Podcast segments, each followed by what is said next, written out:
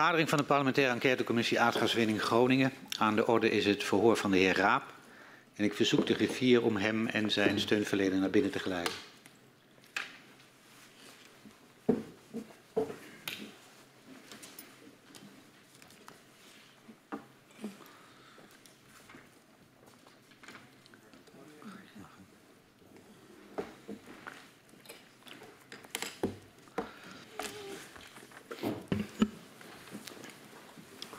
Goedemorgen. Welkom uh, meneer Raap en ook u, uh, meneer Van Goudhoever, hier bij de parlementaire enquêtecommissie aardgaswinning Groningen.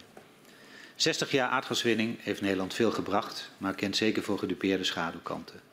De commissie onderzoekt hoe deze schaduwkanten hebben geleid tot het besluit om de aardgaswinning in Groningen te stoppen.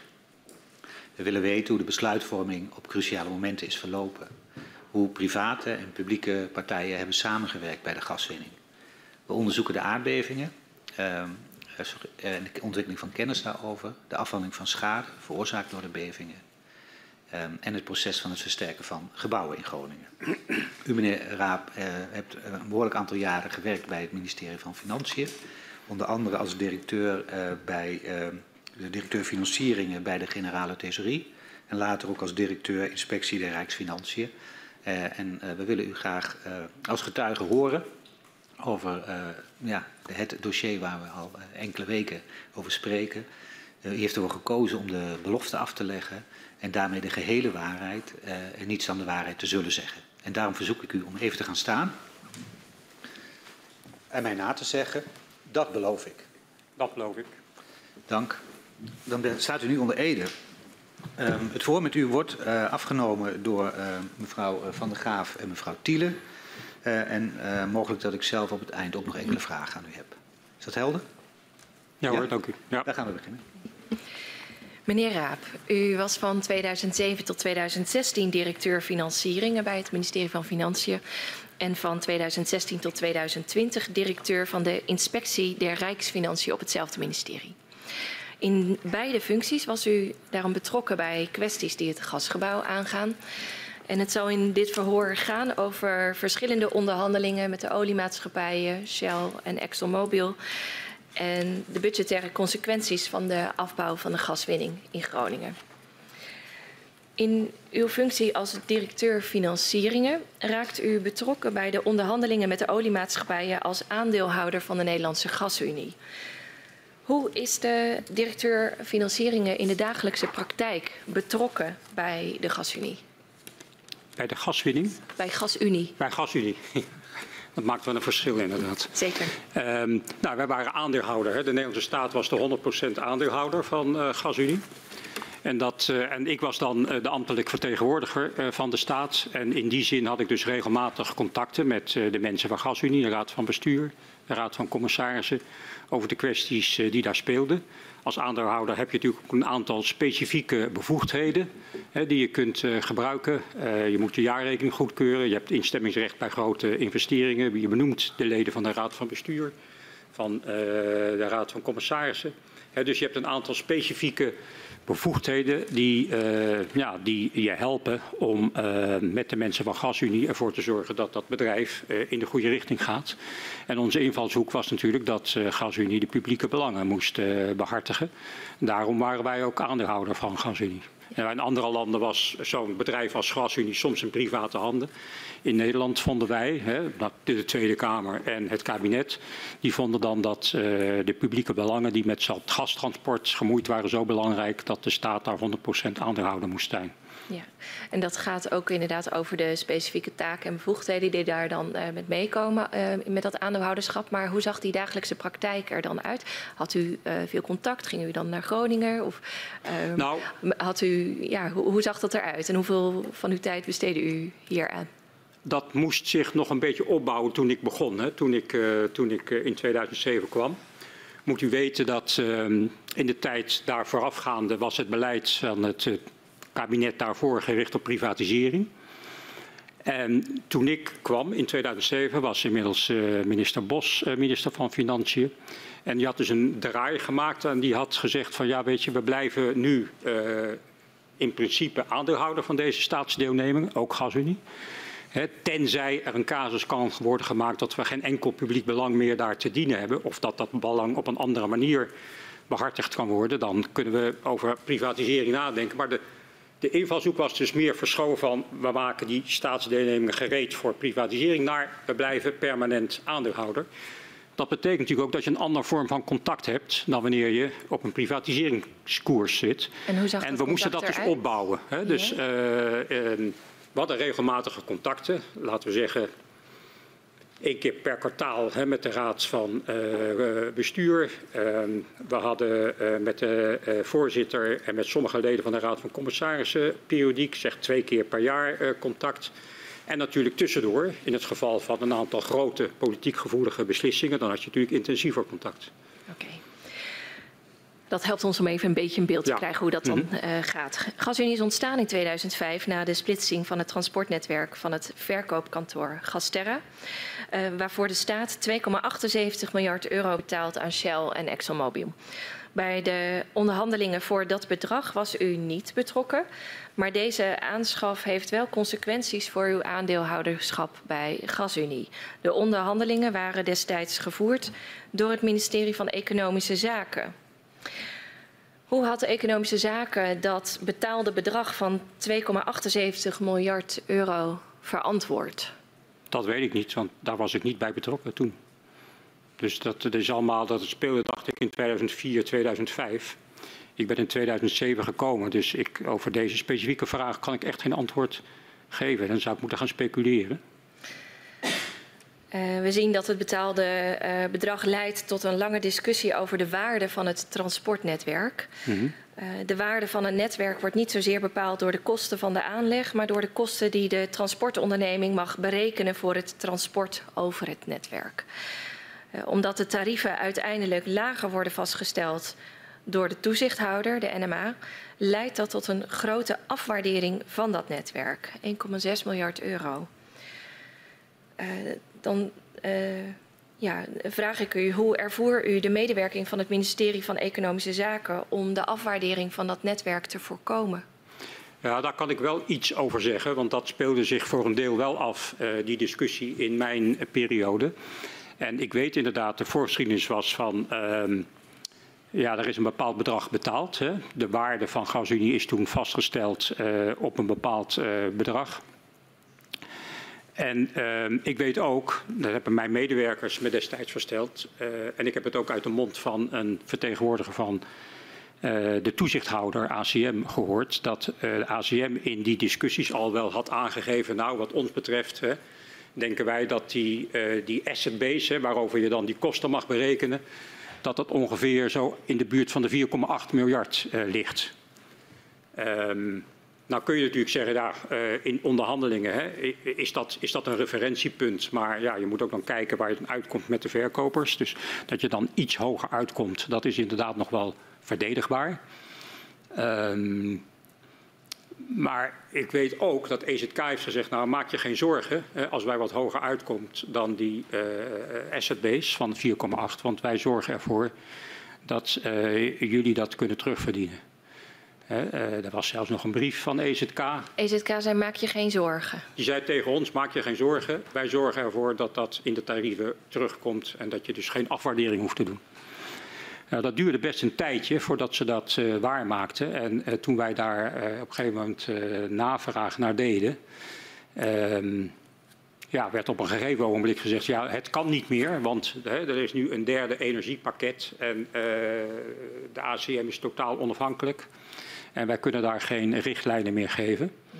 Eh, dus eh, ja, jammer, maar helaas, we kunnen daar niks meer voor jullie betekenen. En eh, nou, dat vonden wij natuurlijk iets minder leuk. Ja. En wat gebeurt er dan? Ja, ja, nou, dan is dat een voldongen feit, helaas. Ja, dan, kun je, dan kun je misschien een keer boos worden of zo. Hè? Maar je informeert je minister. Maar ja, dat is dan toch wel een vrij stevig feit. Hè? Eh, ja, we hebben onze frustratie uitgesproken richting EZK dat dat eh, eh, A zo lang heeft geduurd. En eh, ja, we vonden dat niet fijn. Hè? Nee. Hoe is dat bedrag uiteindelijk opgevangen in de begroting? Nou, dat, dat, dat, dat, heeft, geen, dat, dat heeft geen begrotingsimplicaties. Hè. Die, die staatsdeelneming staat op zichzelf. Ja. Uh, dus dat is dan een afboeking van de balans uh, van uh, GasUnie. Wat het wel doet, is dat het eigen vermogen daardoor natuurlijk wel afneemt.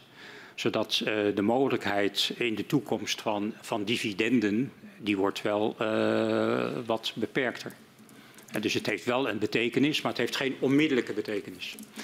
En GasUnie gaf uh, op dat moment vrij hoge dividenden. Hè, dus ik heb ergens in de stukken gelezen dat er zelfs een dividend payout was van 100%. Hè, dus dat de, de winst zo'n beetje volledig wordt uitgekeerd. De operationele winst, netto winst. Dus het had, niet een, het had geen directe impact op de kasstroom die naar de overheid ging. Dus er is uh, boekhoudtechnisch aan de kant van de overheid had het geen directe implicaties.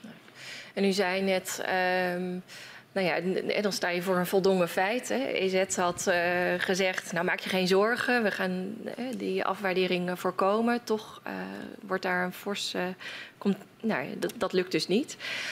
Um, hoe moeten we dit uh, nou duiden, zeg maar, in de dynamiek ook tussen EZK en, en financiën? Uh, heeft financiën daar, daar bovenop gezeten in die tijd? Of hoe kunt u ons hier een beetje in meenemen om dit nou, goed te kunnen beoordelen? Ja, kijk, Wat heeft u zien gebeuren? Nou ja, weet je, dit was een discussie die dus al speelde van voor mijn tijd. Toen ik kwam daar. Ja. 1 juli 2016. Nee, 2007. Uh, toen wist ik niet van het bestaan van deze discussie af. Uh, is mij niet meteen gemeld dat het speelde. Dit, dit bleek later. Ik weet, ik weet, niet meer precies wanneer dat opkwam. Ehm, dat zal ergens in 2007, 2008 zijn geweest. Maar ehm, nou ja, je kunt natuurlijk zeggen, ja, daar had financiën meer bovenop moeten zitten. Ja. Uh, er staat tegenover dat, dat ja, ons team, hè, daar, daar, daar, daar, zat, daar zat behoorlijk veel mutatie in, hè, behoorlijk veel doorstroom in. Dus ja. mensen moesten voortdurend dat aan elkaar doorgeven. Nou ja, daar, daar, daar gaat dan wel eens een keer ietsje mis, denk ik. Ja. En dat is hier ook wel gebeurd. In, niet in de zin van dat het verdwenen was, want het, het kwam dus opnieuw op. En het is mij op een zeker moment verteld dat dit uh, nog speelde. Maar uh, dit had misschien met een iets hogere urgentie uh, aangepakt moeten worden, ook vanuit uh, onze kant. Vanuit financiën. Maar goed, bij mensen zullen ongetwijfeld zeggen, ja, we hebben er echt alles aan gedaan. Maar dat, dat, dat geloof ik ook graag. Maar ja. het is niet tot mij gekomen, zullen we maar zeggen, pas, pas later. Ja, en wie heeft nou in deze zaak het meest geprofiteerd? Ja, dat is, dat is, altijd, dat is altijd moeilijk te zeggen. Nou, niet, niet GasUnie. Uh, wij, wij zeker niet. Uh, ja, uiteindelijk moet je dan zeggen de, de verkopende partij, want die heeft uh, een behoorlijk bedrag ontvangen. Uh, wat niet kon worden terugverdiend. En waar eigenlijk ook al indicaties voor bestonden dat dat niet kon. Nou, tegelijkertijd moet ik dan wel zeggen. Hè, de, dat de verkopers hoeven daar zich ook geen zorgen over te maken. Hè, want de verkopers? De verkopers Shell en Exxon. Ah. ExxonMobil. Ja. Uh, ja, die hoeven zich natuurlijk niet druk te maken over wat wij intern binnen de staat wel of niet afspreken. Die willen alleen maar een zo hoog mogelijke prijs voor, die, voor, dat, voor dat bedrijf. Dat is, hun, dat is hun taak. Dat is hun taak ook naar de aandeelhouders. Dus op zich kun je dat hun niet kwalijk nemen. Maar ze hebben er wel van geprofiteerd. En het mooie is, voor hun dan, die lage re, uh, regulering leidt er ook toe dat ze lagere tarieven krijgen. En nou ja, dat grapje, is ook nog een keer herhaald in Duitsland. Later, daar zult u ongetwijfeld ook nog vragen over gaan stellen. Er gebeurde eigenlijk hetzelfde fenomeen. Ja. Dus uh, twee keer winst voor de oliemaatschappijen. Ja, ze, ja vanuit hun kant uh, gezien uh, hebben ze dat goed gedaan. En ehm, je kunt ook niet zeggen dat ze daar dingen verkeerd hebben gedaan. Hm. Zeker niet in het Nederlandse geval. Zometeen komen we nog over het Duitse geval. Uh, maar in het uh, Nederlandse geval hebben ze niks, denk ik, verkeerd gedaan. Wat zij doen is legitiem, namelijk dat uh, bedrijf afstoten tegen een zo hoog mogelijke prijs. Ja, en dan, als wij het aan onze kant van de overheid niet goed regelen, dan is dat vooral onze schuld. Ja. En wat zegt deze kwestie over het onderhandelingsresultaat van de staat bij de splitsing van GasUnie? Ja, dat, nogmaals, daar ben ik niet bij betrokken geweest. Dus ik, ik weet niet hoe het gegaan is. Ik kan er iets. Uh, ik, ik heb gezegd wat de consequenties waren. Die waren niet leuk. Maar ja, hoe dat tot stand is gekomen, daar kan ik echt niks over zeggen. Dank u wel. U wilde het er zelf al over hebben en eh, wij ook inderdaad over het eh, Duitse gasnet met de afkorting BEB. In 2007 neemt GasUnie voor een bedrag van 2,15 miljard euro dat eh, Duitse gasnet over, van de eigenaren Shell en Exxon. Um, hoe was de Nederlandse gasmarkt daar nou bij gebaat bij die jaar? Nederlandse gasgebouw? Nee, gasmarkt. Gasmarkt. Um, nou, uh, de, het, uh, het, idee daarachter was uh, om ervoor te zorgen dat Nederland een soort draaischijf, gasrooktonde werd, waar verschillende gasstromen uit Europa, Noordwest-Europa, samenkwamen voor verdere distributie. Dat had als voordeel dat hier een liquide gasmarkt zou ontstaan dat ook leveringszekerheid uh, daarbij uh, gebaat was. Het zou leiden tot lagere tarieven, lagere prijzen voor gas. Dus de hele mm. Nederlandse maatschappij was daarbij gebaat. En, dus ja, dat, was, dat hebben we ook laten uitzoeken door een strategisch consultant. Die kon die strategische rationale ook onderschrijven. We hebben uiteraard getoetst ook bij het beleidsministerie mm -hmm. uh, EZK of die achter dit uh, idee stonden. Nou, die, waren ook, uh, die steunden dit ook. Hè. Dat ja. paste ook helemaal binnen hun beleid. Dus de strategische rationale van die overname die was uh, denk ik wel goed. Die was wel goed, de gedachten, de ja. verwachtingen erbij. Maar in 2012 wordt een rapport opgesteld door het zogenoemde American Appraisal over die aanschaf. En daarin is de stelling dat de prijs onder tijdsdruk enorm is opgevoerd. Um, in hoeverre was u bewust van die tactiek, zeg maar, om die prijsdruk, of de tijdsdruk zo op te voeren? Nou, het, het, het werd natuurlijk dat er tijdsdruk was, dat, dat, dat wisten we. -huh. uh, nou, we moeten even terug hè, naar de context. En, en, dat was dat dit speelde een beetje in uh, september, oktober, november. Uh, ik zat daar toen dus drie maanden en, en ja, dit was mijn eerste grote echte transactie op dit punt. Ik had ook te maken met een vrij onervaren team mm -hmm. en uh, die ook nog niet heel veel hè, met dit soort uh, transacties te maken had gehad. Dat gold trouwens ook, heb ik later begrepen, van de Raad van Bestuur en de Raad van Commissarissen van GasUnie, die okay. eigenlijk ook hier niet heel veel ervaring mee hadden opgedaan. En, um, dus ik, ik, wist wel dat er een tijdsdruk op stond, maar de specifieke kenmerken van dat verkoopproces, hè, wat een controlled auction is, mm -hmm. en hoe je daar dan mee om moet gaan, ja, dat was voor mij wel nieuw. En ook voor mijn team uh, wel uh, nieuw. Um, wat wij hadden wel vertrouwen erin dat de Raad van Bestuur en de Raad van Commissarissen, waar er ook een aantal mensen met echt industriële ervaring in zaten, en ook uh, naar onze eigen expert die we hadden uh, ingehuurd. En ook de, de zakenbank die GasUnie had ingehuurd.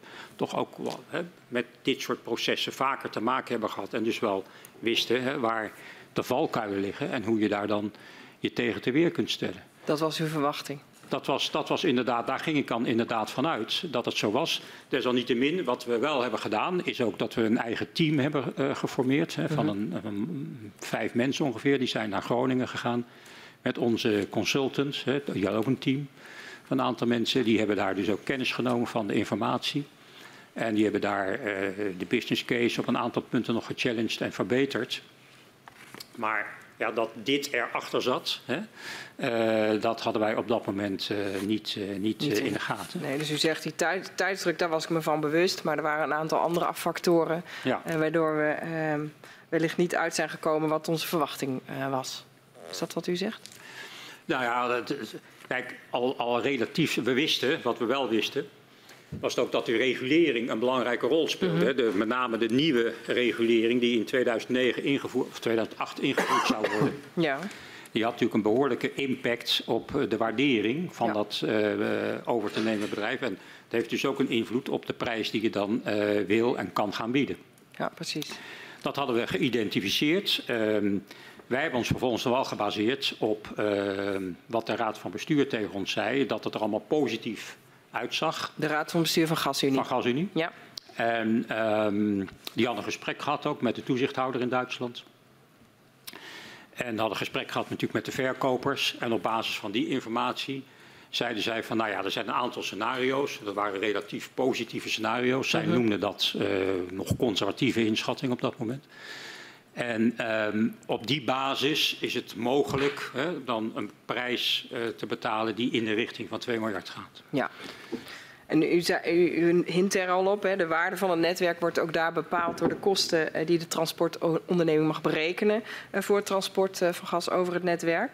En na de aanschaf van BEB stelt de Duitse toezichthouder de tarieven voor dat gastransport toch veel lager vast dan was ingeschat.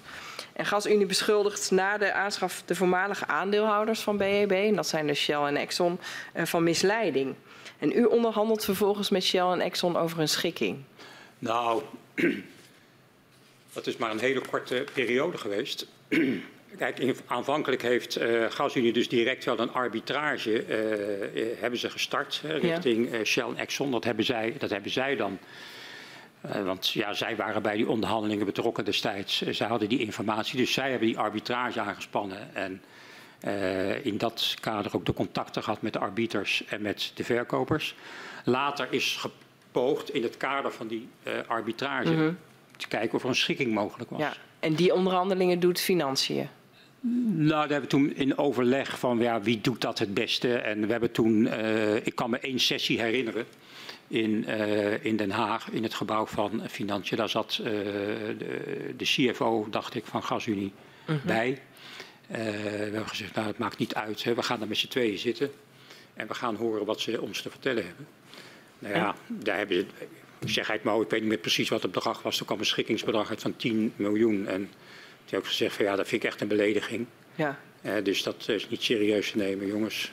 Want ja. wie, wie zat er daar zeg maar aan tafel? Ja, dat weet ik echt niet meer. Nee. Ik, dat, zijn, dat waren ook allemaal mensen die ik uh, voor de eerste en tevens de laatste maal heb gezien. Dus ja, dat ja. weet ik niet meer. Ja. Nee. En, en daar werd iets uh, op tafel gelegd. U zegt 10 miljoen en dus zei u nou dat...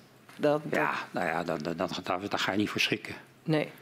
Dus toen? Nou, wij dachten dat we toch een aardige casus, of ja, GasUnie dacht dat ze een stevige casus hadden. Ja. Uh, en dat dacht ik dus daarom ook. Ja. maar dat, uh, dus daar ga je niet voor 10 miljoen uh, schikken. Nee, dus u nam aan dat GasUnie dat zou weten, maar dat is uiteindelijk niet, niet gelukt.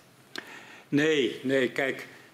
en daar speelde daar precieze reden, ja, dat is dus in de, in, de, in, de, in de handen van de arbiters. Die nemen dan op een gegeven moment een besluit en die zeggen ja, er zijn allemaal wel onregelmatigheden geweest in mm -hmm. dat hele onderhandelingsproces. Um, maar aan de andere kant hebben ze ook gezegd van nou ja, GasUnie zelf ook wel fouten gemaakt. En daarbij speelde dat rapport hè, wat wij hadden opgesteld. En wat wij hadden gevraagd, uh, American, American Appraisal te laten opstellen. Ja, nou, omdat wij ook buitengewoon ontevreden waren. Niet alleen over de afloop van die onderhandelingen, maar ook alles daarna. Hè, wij gingen natuurlijk bij GasUnie steeds pushen. En hoe kan het nou dat? Hè? Wat is er nu precies gebeurd? En iedere keer als ik een vraag stelde, uh, kreeg ik weer een ander antwoord. Bij GasUnie? Ja. En, uh, dat, dat, en ook de manier waarop dat dus met de afwaardering werd omgegaan, was buitengewoon intransparant en onnavolgbaar. En nou ben ik geen, hè, de, in het gebied van de bedrijfsboekhouding ben ik niet de allergrootste deskundige.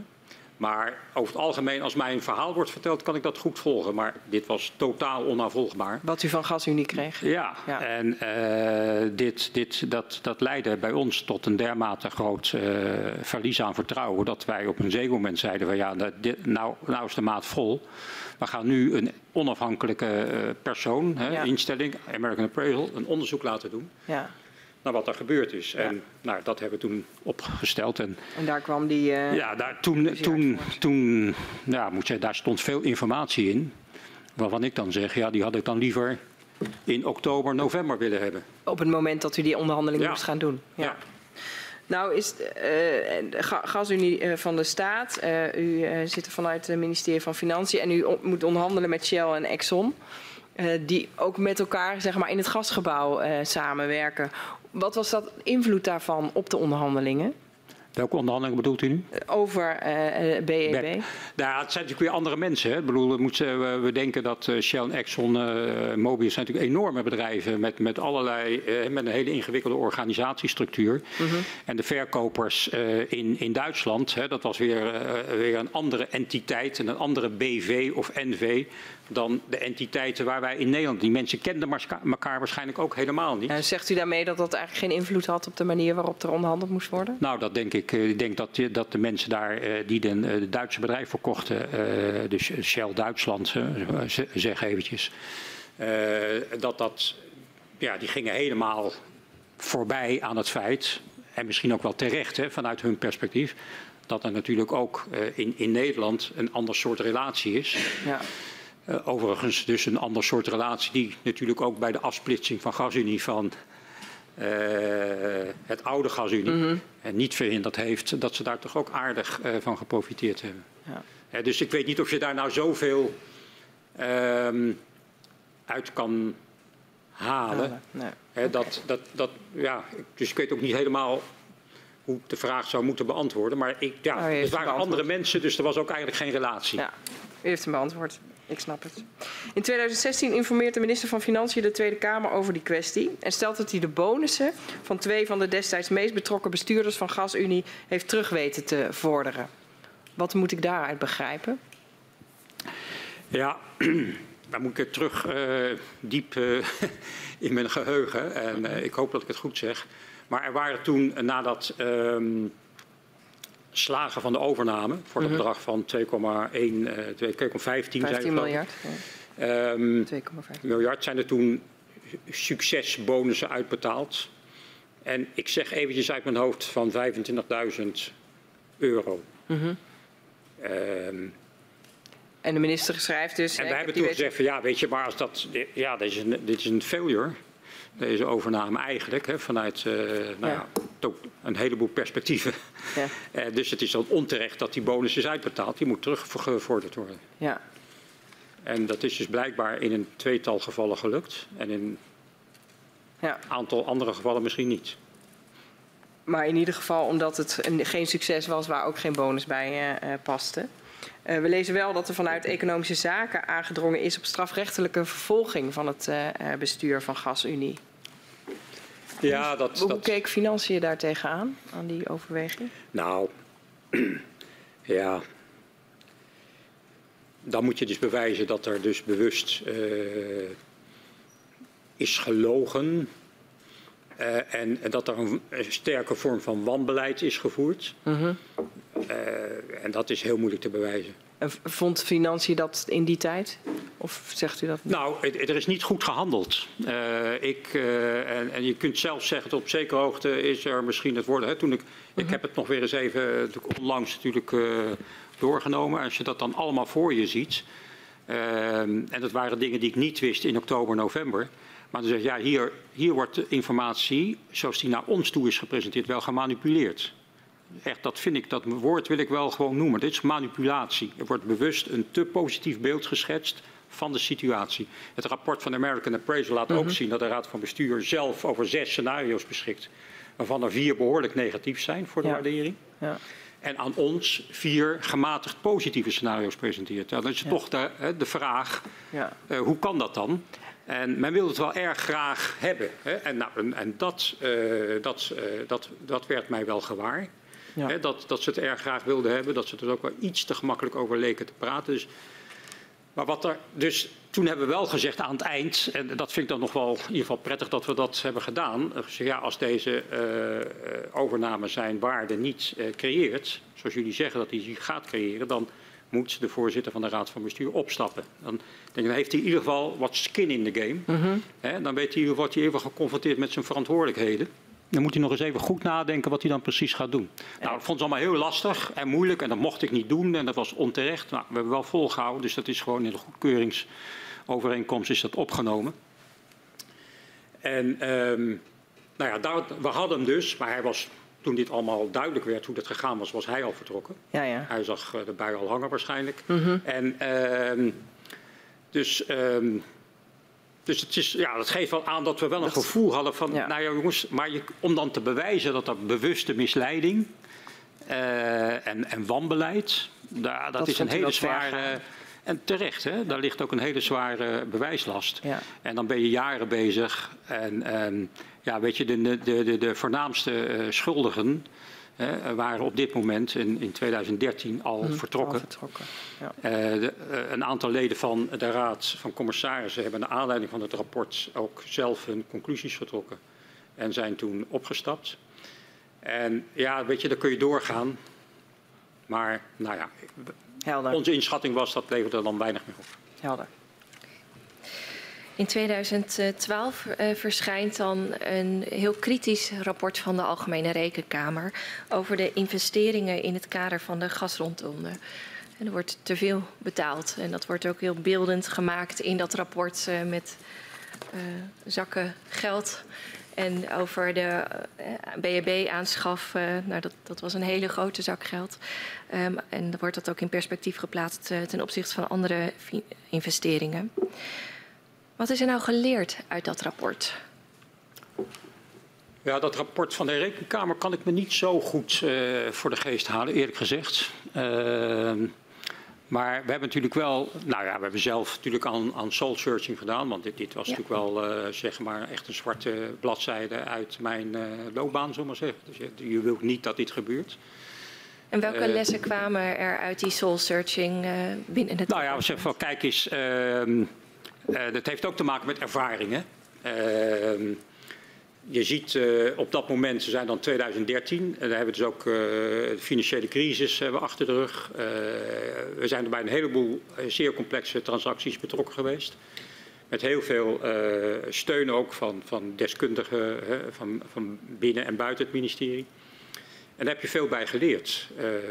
en dan, dan zeg je, ja, als je dat nu zo terugziet, uh, dan, dan, gaan natuurlijk een aantal red flags uh, branden. Helemaal als je het rapport van American Appraisal leest, hè, waar dus informatie in staat die wij dus niet hadden op dat moment. En uh, wat je dan zegt, A, als een Nederlandse staatsverdeling nog een keer zo'n overname gaat doen, gaat hij dit nooit alleen doen. Hè, want het is nooit alleen? Nooit alleen, dus nooit een 100% deelname. Dus altijd, zorg altijd voor een strategische partner. Iemand, ook echt, dus niet een financiële partner, geen pensioenfonds, want die heeft er ook geen verstand van. Maar echt van een strategische partner die in die business bezig is. En die er zijn eigen geld in stopt. En die heeft er een belang bij natuurlijk om zo goed mogelijk die hele business case te fileren en geen risico's aan te gaan. Dan ben je ook ingedekt. Dan ga je ook zeker geen groter risico nemen dan uh, die strategische partner doet. Dus altijd met een strategische partner doen. Um, altijd heel goed de risico's inventariseren. En aan, aan, de voorkant ook aangeven welk risico je bereid bent te nemen. En iedere transactie zit een risico. Als je geen risico wil nemen, dan moet je niks doen, krijg je ook nooit iets voor elkaar. Maar het risico moet je identificeren en die moet je dus compartimenteren en zeggen, ja, dit is het maximale risico wat ik wil, laten, wat ik wil lopen. Bijvoorbeeld 200 miljoen, 300 miljoen. Dat kunnen we nog wel dragen, maar ja, in het geval van BEP, hè, dat ging natuurlijk over een veel groter bedrag. Ja, dit is een risico dat je natuurlijk normaal gesproken nooit wil lopen. Dus als wij hadden geweten dat dat een reëel risico was, hadden we dat natuurlijk nooit gedaan. Dus ga veel steviger ook met de staatsdeelnemer kijken waar zitten de risico's. Um, even kijken, want ik heb nog even opgeschreven wat de lessen zijn natuurlijk. Um, ja, zorg ook natuurlijk dat je in de onderhandelingsovereenkomst, hè, dat het contract ook goede uh, uh, waarborgen krijgt. Hè, dat uh, de informatie de kopers hebben aangeleverd, verkopers hebben aangeleverd, dat die ook klopt. Hè, maak ook een bepaalde price adjustment mechanism. Hè, want als je eenmaal in dat bedrijf zit, dan zie je dat bepaalde zaken toch anders zijn dan zijn voorgesteld. Nou, dan heb je dan een, een mechanisme voor. Dus, hey, we zien dat de waarde nu toch anders is dan jullie ons hebben voorgespiegeld. Nou, dan heb je dus een price adjustment mechanism. En dan word je daar eigenlijk min of meer automatisch voor gecompenseerd. Dat is een hele gebruikelijke formule bij dit soort contracten. Nou, dat had GasUnie ook niet gedaan. Dat soort mechanismes moet je er dus uh, uh, in, uh, in meenemen. En je moet dus vroegtijdig betrokken zijn en ja, je moet, over de, uh, je moet de juiste expertise inhuren. Onder andere ook bijvoorbeeld een onafhankelijke waardering. Hè? Want ja, je kunt allemaal zakenbanken inhuren. Die hebben er belang bij dat die transactie doorgaat. Want dan krijgen ze een, een mooie succesfee. Maar je moet dus een onafhankelijke uh, waardeerder. Moet je ook door die business case laten lopen. En door het bedrijf laten lopen. En die moet dan een beeld geven van, nou ja, dit is een En die komt natuurlijk nooit met één bedrag, die komt altijd met een bepaalde bandbreedte. Maar dat helpt je dan weer om dat risico wat je loopt beter te kwantificeren. Dus er zijn allemaal technieken om de risico's die je aangaat te beheersen. En in ultieme geval moet je ook af en toe zeggen van, uh, ja weet je, dat gaan we niet, niet doen. Dus daarna hebben we ook een aantal malen uh, ook wel een statendeelneming uh, laten bieden op andere deelnemingen in midden- of buitenland. En dat, dat liep dus niet altijd, uh, dat, dat, ze niet altijd de aanbesteding. Daar hadden we blijkbaar de risico's wat anders ingeschat dan anderen. Maar ik constateer dat, en wat u zegt, er is dus best wel stevige soul searching gedaan. En daar komen ook nou, concrete aanbevelingen uit naar voren, lessen die geleerd zijn, maar ook om te voorkomen dat dat nog een keer uh, ja. zo zou gebeuren. Ja. Ik wil even doorvragen uh, op, op, op een ander punt uh, hierop, want we, bespraken deze, deze voorbeelden. Um, en het voorbeeld van die investering van een staatsdeelneming waar grote verliezen op zijn geleden. Uh, daarbij is een belangrijk element dat het ministerie van Economische Zaken het beleid en daarmee ook de investeringsagenda bepaalt. Uh, terwijl het ministerie van Financiën uh, de investering moet goedkeuren. Um, hoe verliep dan de afstemming tussen deze twee ministeries? Nou, we hadden natuurlijk een regelmatig contact en overleg één keer per maand of zo. En, en, vaker indien nodig. En je daar ook makkelijk uh, bereiken over de telefoon. Uh, kennen de mensen ook gewoon uh, vrij goed hè, die daar uh, rondliepen en zij mij. Dus dat, was, dat was laagdrempelig contact. En je had dan ook regelmatig natuurlijk gesprekken over inderdaad de noodzakelijke investeringen. En hoe dat dan ook betaald zou kunnen worden. Dus dat, over het algemeen liep dat denk ik vrij goed. In 2011 uh, stellen de ministeries van Economische Zaken, ELNI is dat op dat moment, en Financiën een projectgroep in. Mm -hmm. uh, die bekijkt hoe de beslissingen uh, over investeringen van de staatsdeelnemingen in de toekomst beter voorbereid kunnen worden. Is dat die soul searching waar u net op doelde, die projectgroep? Nee, nee, ik had meer op de, de, de, de informele contacten, het reguliere werkoverleg dat ik met mijn counterpart bij EZK had. Ja, dat is helder. Dan ga ik door met mijn vraag. Ja. Want u zit dan samen met de heren Dirks en de Groot van Economische Zaken in een stuurgroep uh, daarvan. En in maart 2012 volgt daar ook een rapport uit. Uh, wat waren de belangrijkste aanbevelingen van deze stuurgroep? Ja, dat is een goede. Nou, ik heb het rapport wel gezien, maar uh, ik kan me er eerlijk gezegd heel weinig van herinneren, van die discussie. In ieder geval uh, van dat rapport. Uh, volgens mij was dat een beetje een, een, rapport wat niet heel veel nieuws toevoegde. En ga ik natuurlijk een, op, misschien op de harten trappen van een heleboel mensen die hier hard aan gewerkt hebben. Maar ehm, het was een beetje een rapport wat volgens mij door de inspectie Rijksfinanciën, die, die wilde dit, want die was natuurlijk gealarmeerd destijds door die afwaardering ook bij GasUnie. En uh, die had een beetje van, ja, die Wouter Raap zit daar maar een beetje uh, uh, geld weg te geven van de staat. Die moeten we eens een beetje wat beter in de tang houden. Dat, en, en, er was een ander ding wat speelde. Um, nou ja, we hadden wel af en toe de indruk dat EZK wel graag wilde dat de investeringen plaatsvonden in het netwerk. Dat speelde bij Tenet ook bijvoorbeeld een voorbeeld te noemen. Hè, de, je kunt hoogspanningsleidingen kun je aanleggen. Hè, en ja, dus het moet ruimtelijke inpassing moet er dan plaatsvinden. Er zijn hele stevige normen, stralingsnormen. Hè, en, en, daardoor werd dat heel duur. Uh, die, die, werden, die werden drie keer zo duur dan technisch gezien noodzakelijk is. Nou, allemaal goede redenen voor, maar dat is wel de realiteit. Dan moet je er ook voor zorgen dat uh, Tenet en GasUnie die investeringen wel kunnen terugverdienen. Dat er dus erkenning is in het reguleringsframework dat wij in Nederland een aantal eisen stellen die ertoe leiden dat die investeringen duurder zijn dan elders uh, in Europa. En wij vonden dat dat dan af en toe wel eens uh, nou, dat dat onvoldoende werd meegenomen door EZK en ook door de toezichthouder. En daar probeer je dan dus in het rapport afspraken over te maken dat uh, de informatieuitwisseling wat gestroomlijnder plaatsvindt. En als het zo is dat een beleidsdepartement een, een investering wil doen, maar niet daarvoor garant staat hè, dat het ook kan worden terugverdiend via de regulering, dan is dat een beleidswens van het ministerie. Nou, ja. heel legitiem, dat mogen ze hebben uiteraard, maar dan moeten ze daarvoor zelf betalen.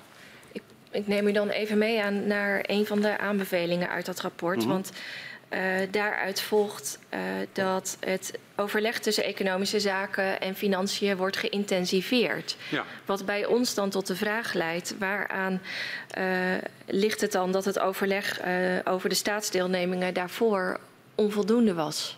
Nou, dat, dat, weet ik niet of dat daar dan staat. Het wordt geïntensiveerd hè, in het kader van zo'n rapport. Ja, u heeft net iets geschetst over uh, dat er wel afstemming was en er was ook wel contact. Um, maar uh, eerder zei u ook, nou ja, misschien hebben we hier als financiën minder bovenop gezeten. De EZ heeft ja, ook best dat, een grote dat rol. Was, dat was over de periode voordat ik kwam. Hè? Ik, ik, weet niet wat daar gebeurd is. Misschien hadden we daar iets meer bovenop. We proberen hier goed zicht op te krijgen. Zegt u? Over de, we proberen hier goed zicht ja. op te krijgen over die verhoudingen tussen EZ als beleidsdepartement en financiën die, ja. de, die goed op de centen moet letten. Ja, uh, ik denk dat er was gezegd van we moeten scherper in beeld uh, hebben. Wat, hè, want er was vanuit EZK natuurlijk ook contact met uh, staatsbedrijven als Tenet en GasUnie. En ik denk dat het met name over hun ging. Um, en wij willen gewoon goed weten wat jullie zeggen tegen Tenet en GasUnie over investeringen die noodzakelijk zijn in het netwerk, die ook in jullie beleid passen. En dan, dan, dan, weten wij dat dat speelt. En als GasUnie en Tenet dan bij ons komen, kunnen wij dat goed beoordelen. En tegelijkertijd kunnen wij dan ook bij jullie uh, aan de orde stellen dat je er dan voor moet zorgen dat die investeringen ook in de activa basis kunnen worden opgenomen, zodat daar GasUnie en Tenet ook hun kosten over kunnen terugverdienen. Ja. Dat, is, dat is denk ik uh, in essentie uh, de grootste, was het grootste knelpunt.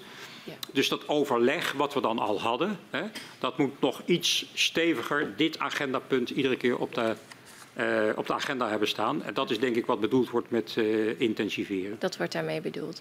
Um, we zien dat dit rapport vertrouwelijk blijft. Waarom was dat nodig? Ja, dat weet ik niet. Ik, ik had daar niet, uh, ik had voor mij, voor mij had dat niet gehoeven. Want er stond ook namelijk in mij, en daarom heb ik het ook eigenlijk in het kader van dit, uh, deze enquêtecommissie eigenlijk niet zo goed gelezen. Want er stond voor mij eigenlijk niets nieuws in. ook niet op dat moment. Dus het had wat mij betreft gewoon openbaar gemaakt kunnen worden. En alsnog trouwens, maar als iemand het interesseert, ik zou het niet aanraden eerlijk gezegd. Maar, nou ja, we zien ook dat het niet aan de Tweede Kamer is gestuurd. Niet. Niet. Niet. Nou, het is ja, ook niet vertrouwelijk ter inzage dus, gelegd. Nee, maar er staat waarom? niks vertrouwelijks in volgens mij. Dus ik begrijp niet waarom dat is eigenlijk. Ik begrijp het gewoon niet. Nou, ik ben daar niet in gekend in ieder geval. En ik vind het ook helemaal niet nodig. Maar het is, het is, een, in, het is een intern ambtelijk proces geweest. Hè? Want de, en, en er is volgens mij ook helemaal geen ander beleid vloeit daaruit voort. Eigenlijk is het gewoon een heel erg... Uh, eigenlijk van staat er in EZK en financiën moeten meer informatie met elkaar delen op een tijdige basis. Nou, dat is eigenlijk het hele rapport. En daar kan je heel ingewikkeld over doen. Maar dat is altijd waar. En uh, dat had dus helemaal niet vertrouwelijk uh, hoeven te blijven. En is het sindsdien dan wel verbeterd? Zegt u? Is het sindsdien dan wel verbeterd? Ja, ja, dat, nou ja ik weet niet hoe nu, hè, want ik, ik ben nu niet meer betrokken bij uh, nee, de staatsdeelnemers. Ik weet niet hoe het nu gaat, nee, maar, maar in mijn tijd, tijd ja. is dat in ieder geval sterk verbeterd. Ja. Ik heb een aantal vragen over de begrotingssystematiek. In 2017, dan bent u uh, directeur van de Inspectie der Rijksfinanciën, verandert, het, uh, um, ver verandert de begrotingssystematiek met het aantreden van kabinet Rutte 3. Want in het re regeerakkoord van 2017 staat dat de budgettaire gevolgen van beleidsmatige besluiten over de gaswinning voortaan onder het zogenoemde uitgavenkader vallen. Kunt u ons uitleggen wat dit betekent uh, voor uh, de ministers als ze gezamenlijk zouden besluiten om de gaswinning te verlagen? Nou, dat betekent dan dat je, daar, uh, dat je dan in beeld brengt wat dat kost hè, mm -hmm. aan, aan, financiële minder gasbaten die je dan direct krijgt. En dat je daar dus onder het uitgavenplafond, wat je hebt gedefinieerd met elkaar als kabinet, dat het dan daarin moet worden ingepast. Ja. En hoe, hoe, hoe uitzicht dat dan als er ergens, ergens iets ingepast moet worden? Nou ja, de, de, de, uh, als het goed is, uh, komt er ook. Uh, nou, er is ook regelmatig, zeker in de periode dat ik daar zat, mm -hmm. was er toch wel ruimte vaak onder dat uitgavenplafond, omdat geld overbleef. Er waren meevallers. Mm -hmm. dus zeg maar die. die, die voornaamste gasbesluit wat genomen is door het kabinet toen ik er zat, was natuurlijk uh, het besluit van uh, minister Wiebes om naar nul te gaan. Daar komen we zo Dat is terug. ook gewoon Ja. ingepast Ja. hè, om, uh, onder het uitgavenplafond, en daar was ruimte, hoefde dus niet voor te worden omgebogen. Als er geen ruimte is, dan, dan zou je in theorie, maar dat is een hypothetische situatie, het is mij altijd natuurlijk gewaarschuwd dat je op moet passen voor hypothetische situaties, maar stel dat er geen ruimte is, Dan, dan zou je moeten ombuigen, maar dat is, uh, dat is volgens mij, uh, dat, dat hoeft niet. Hè. Het kabinet kan altijd besluiten daar natuurlijk van af te wijken. En volgens mij in mijn periode is er dus, uh, zei die daling van de gasbaten. Die, die zijn wel netjes ingepast onder het uitgavenplafond.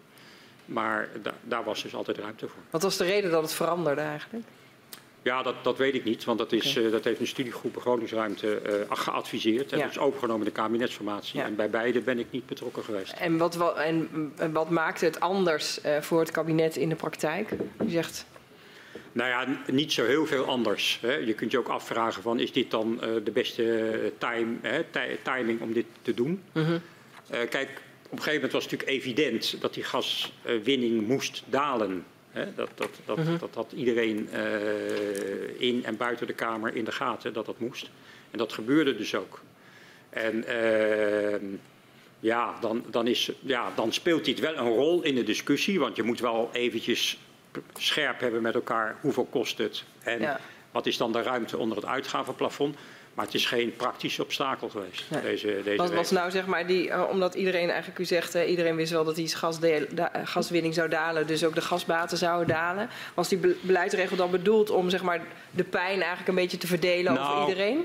Nou ja, weet je, ik, ik, denk, eh, ik denk wat het was, is dat als iedere andere minister. Hè, ehm, stel, dit is, hè, hier is de minister van EZK voor verantwoordelijk. Dus als, die moet dan naar het kabinet toe met een besluit, we gaan de gaswinning eh, laten dalen.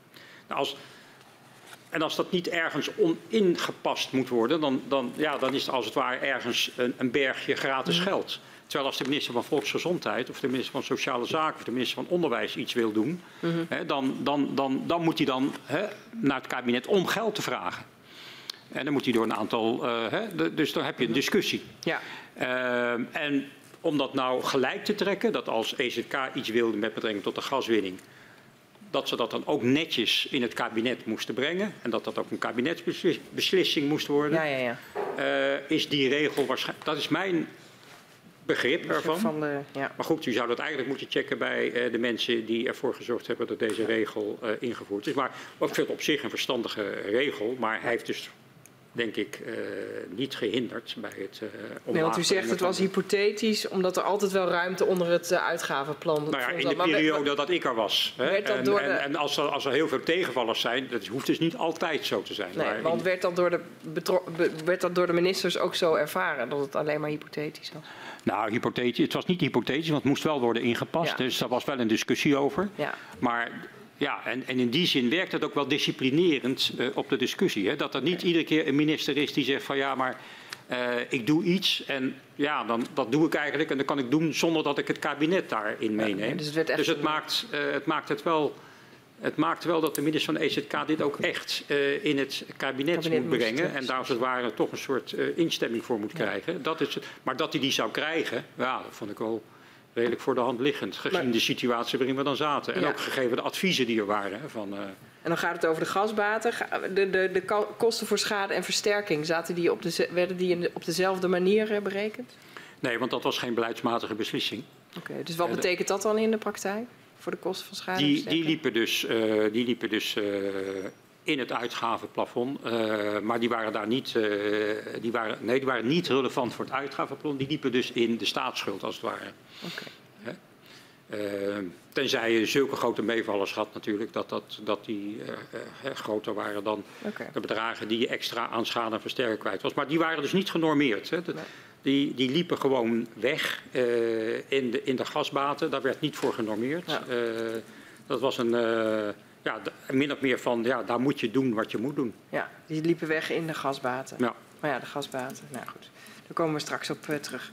Ehm, in hoeverre was het, waren deze begrotingsregels nou voor het eh, ministerie van Financiën een manier om de rijksbegroting beter te kunnen beheersen?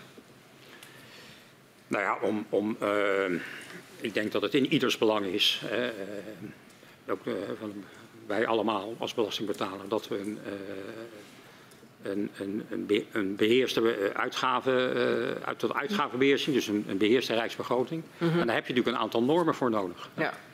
En uh, nou ja, naar de, de, de, er zijn natuurlijk verschillende normen geweest in de loop van de tijd. De, die norm van het uitgavenplafond, mm -hmm. uh, die werd wel gezien als een uh, hele goede. Omdat dat betekende dat als de economie tegenzat en de belastingontvangsten minder hoog waren, hoefde je daarvoor niet om te buigen. Nee.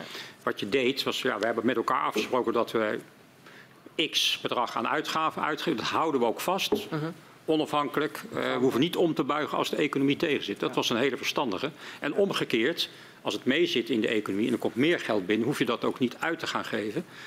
Uh, om dan, hè, waarmee je dan de economie nog verder uh, gaat stimuleren, wat op dat moment helemaal niet nodig is. Dus dat is economisch gezien wat een hele verstandige uh, norm. En het is ook, helpt ook natuurlijk enorm bij het beheersen van de begroting. Nou, er waren nog andere subregels en hè, er zijn in het document van, nou ja, ik weet niet hoe groot dat is, maar er zijn dus zeer veel begrotingen. Die helpen natuurlijk in het beheersen van de begroting. Beheersen, ja. ja. En hadden ministers nou prik, een prikkel om de gasbaten niet uh, te verlagen? Daardoor? Nee, volgens mij niet. Nee. En hadden ministers een, een, prikkel om de kosten van schade en versterking binnen bepaalde banden te houden? Nee, helemaal niet. Integendeel zelfs. En uh, dat, dat was ook misschien wel ja, een beetje het nadeel. Ja. Hè, van, van, van de normering. Dat je dan, hè, want er werd altijd dan gezegd uh, door EZK en later BZK, ja, NAM, NAM betaalt. Uh -huh. Maar ja, dat, dat wordt dan afgetrokken van uh, hun opbrengsten. En dat leidt dan uiteindelijk tot minder afdrachten. Ja. Dus uiteindelijk betaalde de staat nou ja, eerst 64 procent en later 70 procent van al die kosten. Dus ja, we maken dan wel kosten, maar het werd niet zichtbaar. En uh, EZK en BZK hoeft ook nooit naar het kabinet hè, om uh, te zeggen, nou we zijn van plan om deze afspraak te maken met de bestuurders in de regio. Uh, en dat kost dan naar onze verwachting zoveel. Zijn jullie daarmee akkoord? Dat hoefden ze nooit te doen. Dus dat, dat, was, dat was dus eerlijk, eerlijk gezegd, ja de regels zijn zoals ze zijn. Maar ik vond niet dat daar, daar kwam geen prikkel uit naar voren om het te Nee. beperken. Integendeel. En in hoeverre hebben die begrotingsregels nou een rol gespeeld bij het voorstel? En u verwees er al naar dat eh, minister Wiebes in maart 2018 deed om de gaswinning helemaal naar nul te brengen. Nou, de, de, de begrotingsregel, je moet het inpassen in het uitgavenplafond, heeft natuurlijk een rol gespeeld. Want dat moesten we dan, dat moesten we dan natuurlijk wel uh, met, met elkaar hè, voor elkaar zien te krijgen. Ja. Dat dat op een nette. Hè, en je gaat, je gaat ook niet, dat hadden we ook wel. Hè, toen soms is uh, ook bij financiën maatschappelijk gevoel niet helemaal afwezig. Hadden we ook wel van ja, weet je, we gaan niet natuurlijk zeggen van uh, laten we de uitkeringen dan maar uh, verlagen met eenzelfde mm -hmm. bedrag. Hè. Dus wij zaten op het we wisten nog niet in het begin, hè, in januari, februari, hoe dat dan, wat precies het bedrag zou worden. Hè. Nee. We wisten ook nog niet exact wat het voorstel van minister Wiebes zou zijn. Dus je maakt je dan een inschatting wat er gaat gebeuren. En dan, dan, dan kun je natuurlijk zeggen, we gaan heel stoer dat allemaal inpassen. En dat moet dan door de departementen bezuinigd worden.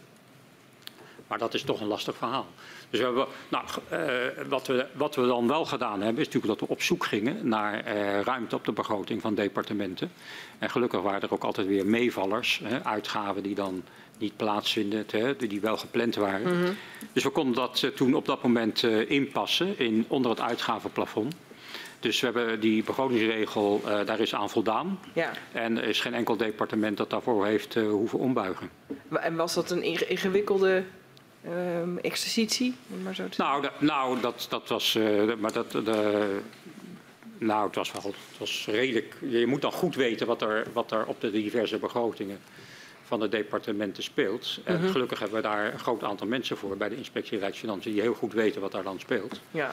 Dus we konden dat met elkaar uh, wel uh, voor elkaar krijgen om die ruimte te identificeren. Dat, en dat was soms wel een beetje trekken en duwen bij zo'n departement, maar dat is wel gelukt. Ja. Dus wat was nou precies de rol van de begrotingsregels op dat besluit van minister Wiebes in, in 2018? Nou, dat, dat, je, dat je hierdoor had je dus wel een nette besluitvorming in die ministerraad. -huh. die ook goed was ingepast in, in het begrotingsproces. Mhm. -huh. Dat was denk ik uh, het voordeel. Nou, dat is ook wat het oogmerk was van die regel. Mhm. Uh -huh. uh, iedereen is daarbij betrokken. Niemand is verrast. Ja. Iedereen wist dat het speelde. iedereen kon daar ook, hè, iedere minister dan, hè, die kon daar zijn zegje over doen, zijn of haar zegje over doen. Is uitgebreid over gediscussieerd in de ministerraad. En uh, nou, Financiën steunde uh, dit omdat nou ja, het was verstandig om te doen. En uh, ja, we konden het ook inpassen in, onder het begrotingsplafond. Onder het begrotings, uitgavenplafond. Ja, uitgavenplafond, ja. ja. Het kabinet besluit op 29 maart 2018 de gaswinning op termijn te beëindigen. Uh, wanneer hoorde u voor het eerst van dit voornemen van economische zaken om de gaswinning helemaal te beëindigen? Ja, dat is nog wel een interessante, want we, we hadden natuurlijk wel uh, allerlei contacten en, met de collega's. En dat dit eraan zat te komen, dat zeker die nul in 20, dat was toch voor mij in ieder geval wel een verrassing. Wanneer ik dat nou voor de eerste keer hoorde als concreet voorstel, ik denk dat dat toch ergens in de tweede helft van maart was, pas. Dus vrij laat. Uh, nou, toen zijn we natuurlijk uh, goed gaan kijken van uh, wat betekent dit allemaal. Het is natuurlijk het proces wat ik net beschreef van kunnen we dit inpassen op een nette manier. En dat bleek te kunnen. En we zagen natuurlijk ook wel op zich uh, de schoonheid van, deze, van dit voorstel zagen natuurlijk ook wel in. Waar zat die schoonheid in? Nou, de schoonheid dat je dan, hè, dat je dan dus een, de, de gaswinning beëindigt, hè, nul in 2030. En de heer Wiebes heeft toen nog bijgezet, we gaan ook kijken of het sneller kan. Hè. Dus 2030 was, was, een, was een einddatum, maar we gingen ook kijken of het sneller kon.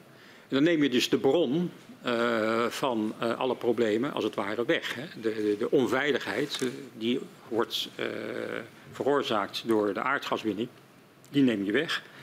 Dus dat is, dat is natuurlijk beter aan één kant. Als je zeggen, ja, we blijven dan winnen op 7 miljard of 10 miljard, ja, dan blijf je dus voortdurend in zo'n discussie zitten. En dit was dus wel wat dat betreft vond ik het wel een mooie oplossing die de heer Wiebes voorstelde. Een mooie ja. oplossing. Was het uh, op dat moment voor u ook duidelijk dat die beëindiging uh, van de gaswinning gekoppeld werd aan een kleinere versterkingsoperatie? Nou, gekoppeld wat is wat, wat, mij betreft niet het juiste woord. Want die koppeling werd niet gelegd. niet rechtstreeks in ieder geval. En wat, wat, wel zo is, is natuurlijk als je zegt van ja, we nemen nou de bron van de onveiligheid weg, hè, namelijk de gaswinning, die is nul. Ja, dan is het ook logisch hè, dat, je, dat je kijkt wat zijn dan de implicaties uh, voor de versterkingsopgave. Hè, nou, want het is logisch dat het een effect zou hebben, want ja, je pakt uh, het probleem bij de bron aan. Als het geen effect zou hebben, ja, dan, dan hoef je het ook niet te doen bijna, zou ik zeggen. Hè. Dus dat, dus je doet dat, dan vind ik het volstrekt logisch uh, en legitiem om te kijken wat de consequenties zijn voor de versterkingsop. Maar het was niet zo dat er een koppeling lag. Dus we gaan dit alleen maar doen als we de versterkingsopgave kunnen terugbrengen. Want dat, zo is het ook in de praktijk nooit geoperationaliseerd. Wij hebben ook nooit een bedrag ingeboekt hè, voor uh, gelijktijdig. Dat doen we nooit, hè, want dat is sowieso nooit de werkwijze van financiën. Wat je doet, als je dus een uh, gevolgen van een, besluit, van een besluit verwerkt in de begroting, dan neem je alleen het primaire effect op, het bruto effect. En alle andere mogelijke effecten die daarvan optreden, die neem je niet op. Dus wij nemen alleen de primaire, en dat is ook nu gebeurd, alleen het primaire effect, dus de lage gasbaten, die hebben we opgenomen in de begroting, die zijn verwerkt.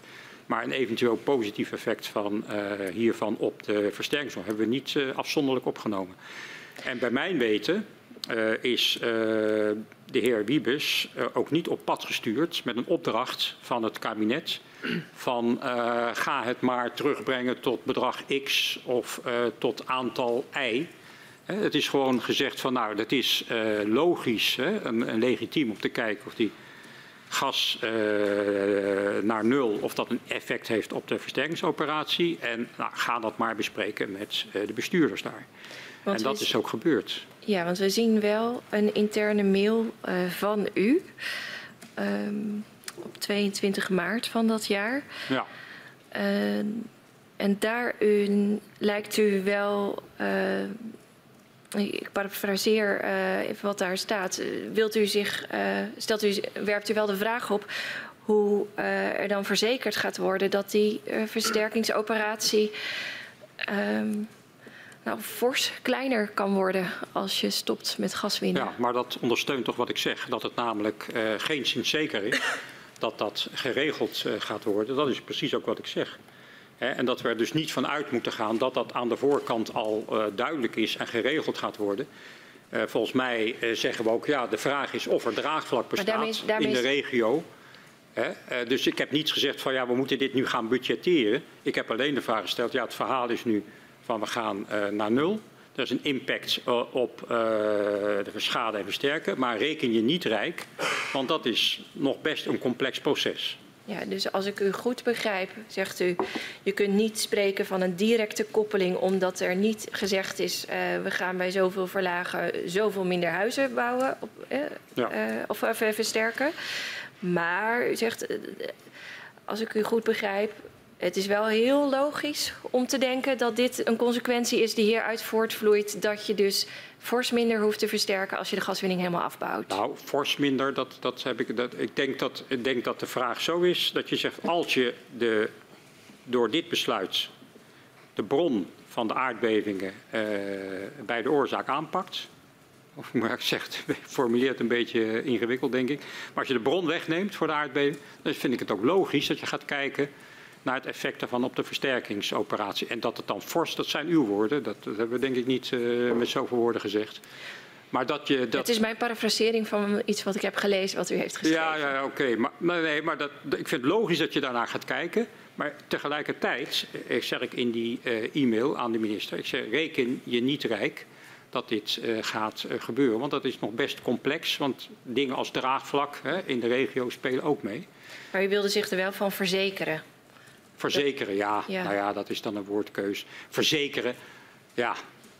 Het zou mooi zijn als we dat dus kunnen afspreken met de regio. In die zin verzekeren we dat. Maar het is niet verzekeren dat wij een bedrag kunnen inboeken. Want zo werkte dat proces natuurlijk. Dat heb ik net ook gezegd. Er uh, was ook geen normering voor.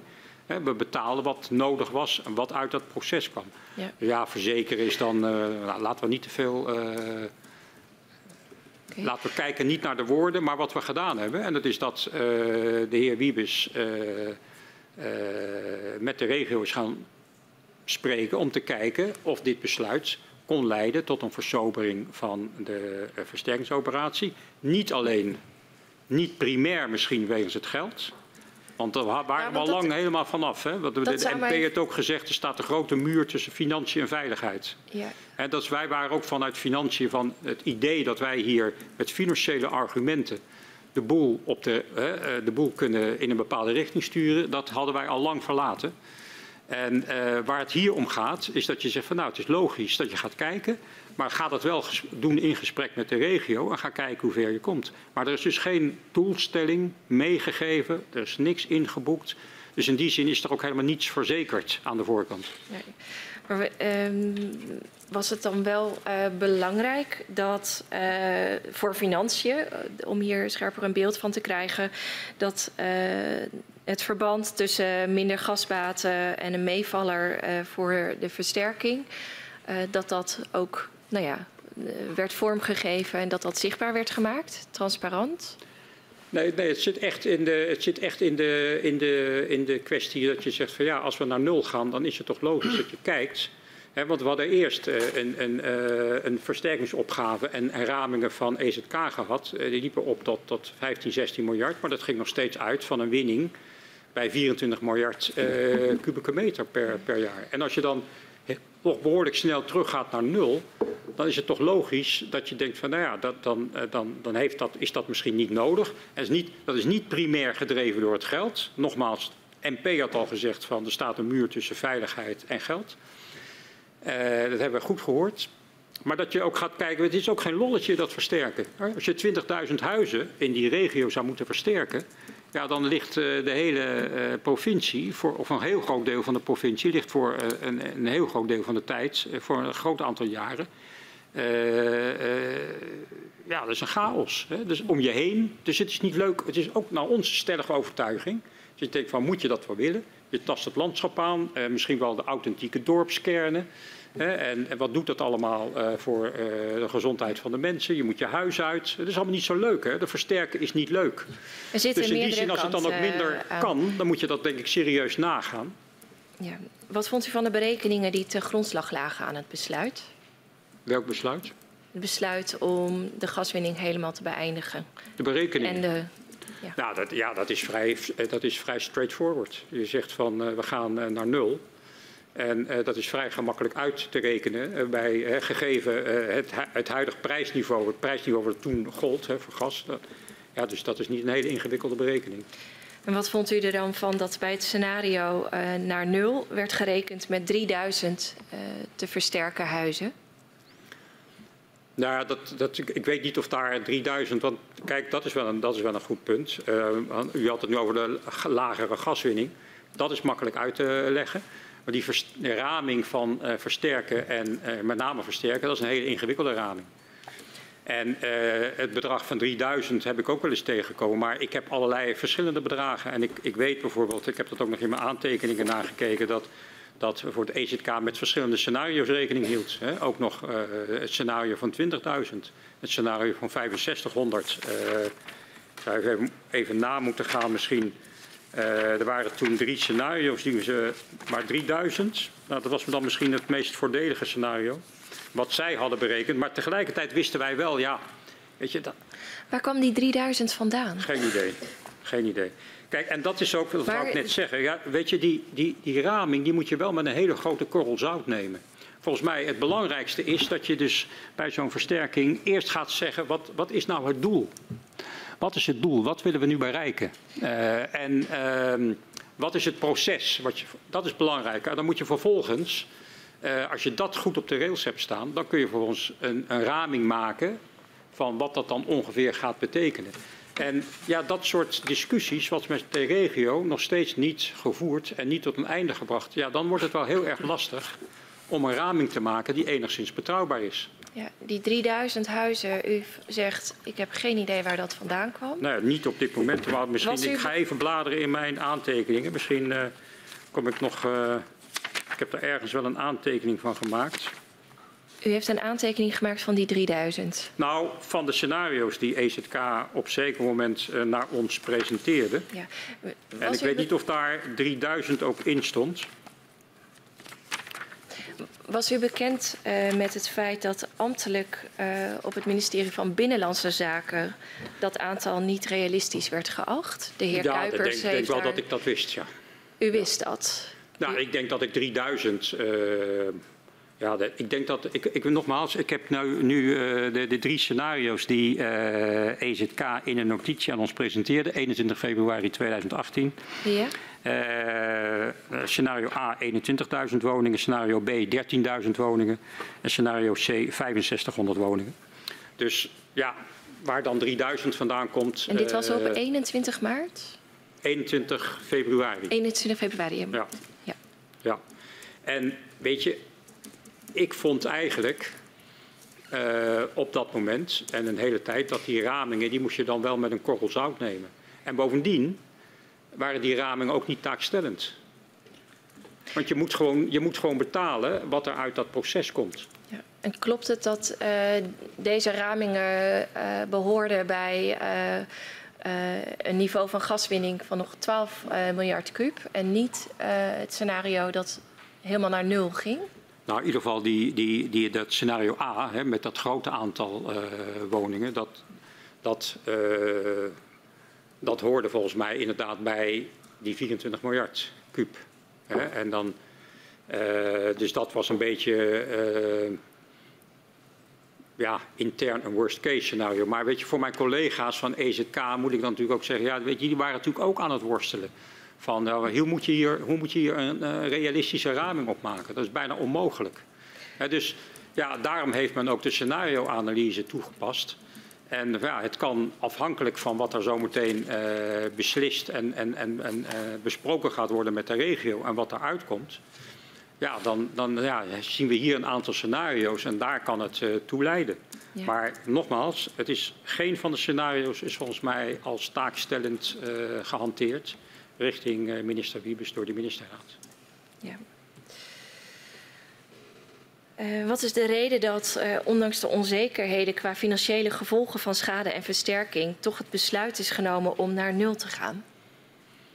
Nou, wat ik zeg, je wil de bron van uh, de aardbevingen wegnemen. Dat is dan toch het beste. ja, en in combinatie ook wel dat je dan ook de versterkingsoperatie op een gezondere basis kan zetten met minder impact voor bewoners en met snellere resultaten. Ja. Dus beide gaan in de richting van meer rust in Groningen. Ja. En u zei net iets, heeft u, hoe heeft u de deugdelijkheid van die ramingen uh, getoetst? Want wij zien um, dat er in een interne e-mailwisseling binnen het ministerie van Binnenlandse Zaken, en de heer Chris Kuipers heeft dat deze week ook verhoor, of in het verhoor aangegeven, mm -hmm. Dat over de kostenberekening uh, wordt geschreven. Kortom, snap niet dat Fin zo'n reeks zonder serieuze onderbouwing accepteert als basis voor politieke weging. Nou, maar die, ja, die, die heb, ik ook, heb ik ook voorbij zien komen. Maar weet je, en dat is precies wat ik zeg, die versterkingsopgave en de bedragen die daarvoor uh, in de boeken stonden, die waren helemaal geen onderdeel van die besluitvorming. Het, het gaat gewoon, gaan wij nu naar nul? En gaan wij dat bedrag wat daarmee gemoeid is, in de term van mindere gasbaten, gaan we het inpassen in de begroting. Dat was wat er aan de orde was. En daar, ja, dan zou het mooi zijn hè, als je dan ook een besparing krijgt op uh, schade en versterking. Maar dat was niet direct gekoppeld aan elkaar. En ik heb ook gezegd, ja, weet je, je kunt je in alle bochten brengen, maar die kosten van schade en zeker van versterken, die zijn, ja, schade trouwens ook niet, beide zijn gewoon niet te ramen op een betrouwbare manier. Dus laten we daar nou ook niet zo moeilijk over gaan doen. Laten we gewoon met elkaar eerst kijken wat er nodig is hè, om uh, de mensen snel in veilige woningen te laten wonen. En het proces wat we daar af, dat vind ik veel belangrijker dan die raming. Dan zien we wel wat het wordt. En dan hopen we dat het niet uh, die 12 of 15 miljard wordt, waar, hè, die we dan in het begin uh, van mijn tijd hoorden. Hè, dat, wat, wat maar dat het hopelijk iets lager kan worden. Nou, dat is, dat is mooi. Dat is voor, mooi voor alle burgers in Nederland, want die hoeven dan uiteindelijk minder belasting te betalen. Maar dat is vooral ook mooi voor de burgers in Groningen. Want die worden dan sneller geholpen en de provincie staat minder in de stijgers voor een hele lange periode. We kwamen in stukken omtrent het besluit tot beëindiging van de gaswinning ook nog een term tegen die ik hier maar even dubbel min scenario noem. Ja. Waar ja. komt dat vandaan? Dat weet ik niet. Nou, niet van mij in ieder geval, want ik vind het helemaal geen mooie term. Maar Wat betekent ook... het volgens nou, mij? Nou, ik denk, ik, ik, ja, dat is, dat is, want ik heb hem niet, uh, ik ken hem niet zo heel goed. Binnen financiën was het volgens mij niet zo'n ingebeurde term, denk ik. Uh, dus wat er dan mee bedoeld wordt, is denk ik dat we en uh, dan uh, de daling van de gasbaten zien als gevolg van het besluit naar nul. En dat er dan uh, op de schade en versterken als gevolg van meer toezeggingen ook, geen meevallers te, te, verwachten zijn. Maar ik vond het een hele negatieve benadering. ik vind het dubbel negatief of dubbel min. Ik, ik, nou, weet je, wat ik zeg, laten we kijken wat het gaat worden. we gaan naar nul verstandig besluit. En laten we kijken wat de impact is voor de versterking. En wat we, en dan moeten we ook rekening houden natuurlijk met gewekte verwachtingen. En, en, dergelijke. Je moet niet alleen maar naar de techniek kijken en naar de normen. Je moet ook kijken naar wat het doet met de mensen. Dus laten we kijken wat er uitkomt. En uh, ja, weet je, dus die ramingen, die ramingen voor versterken waren helemaal niet zo belangrijk. Dus kijk, wij hebben natuurlijk in reactie op de mail van, uh, van, de, van de heer Chris Kuipers, ja, dat was niet de basis van het besluit om naar nul te gaan. Um, eerder zei u dat er uh, minister-president had gezegd dat er een muur zit tussen uh, veiligheid en uh, financiën.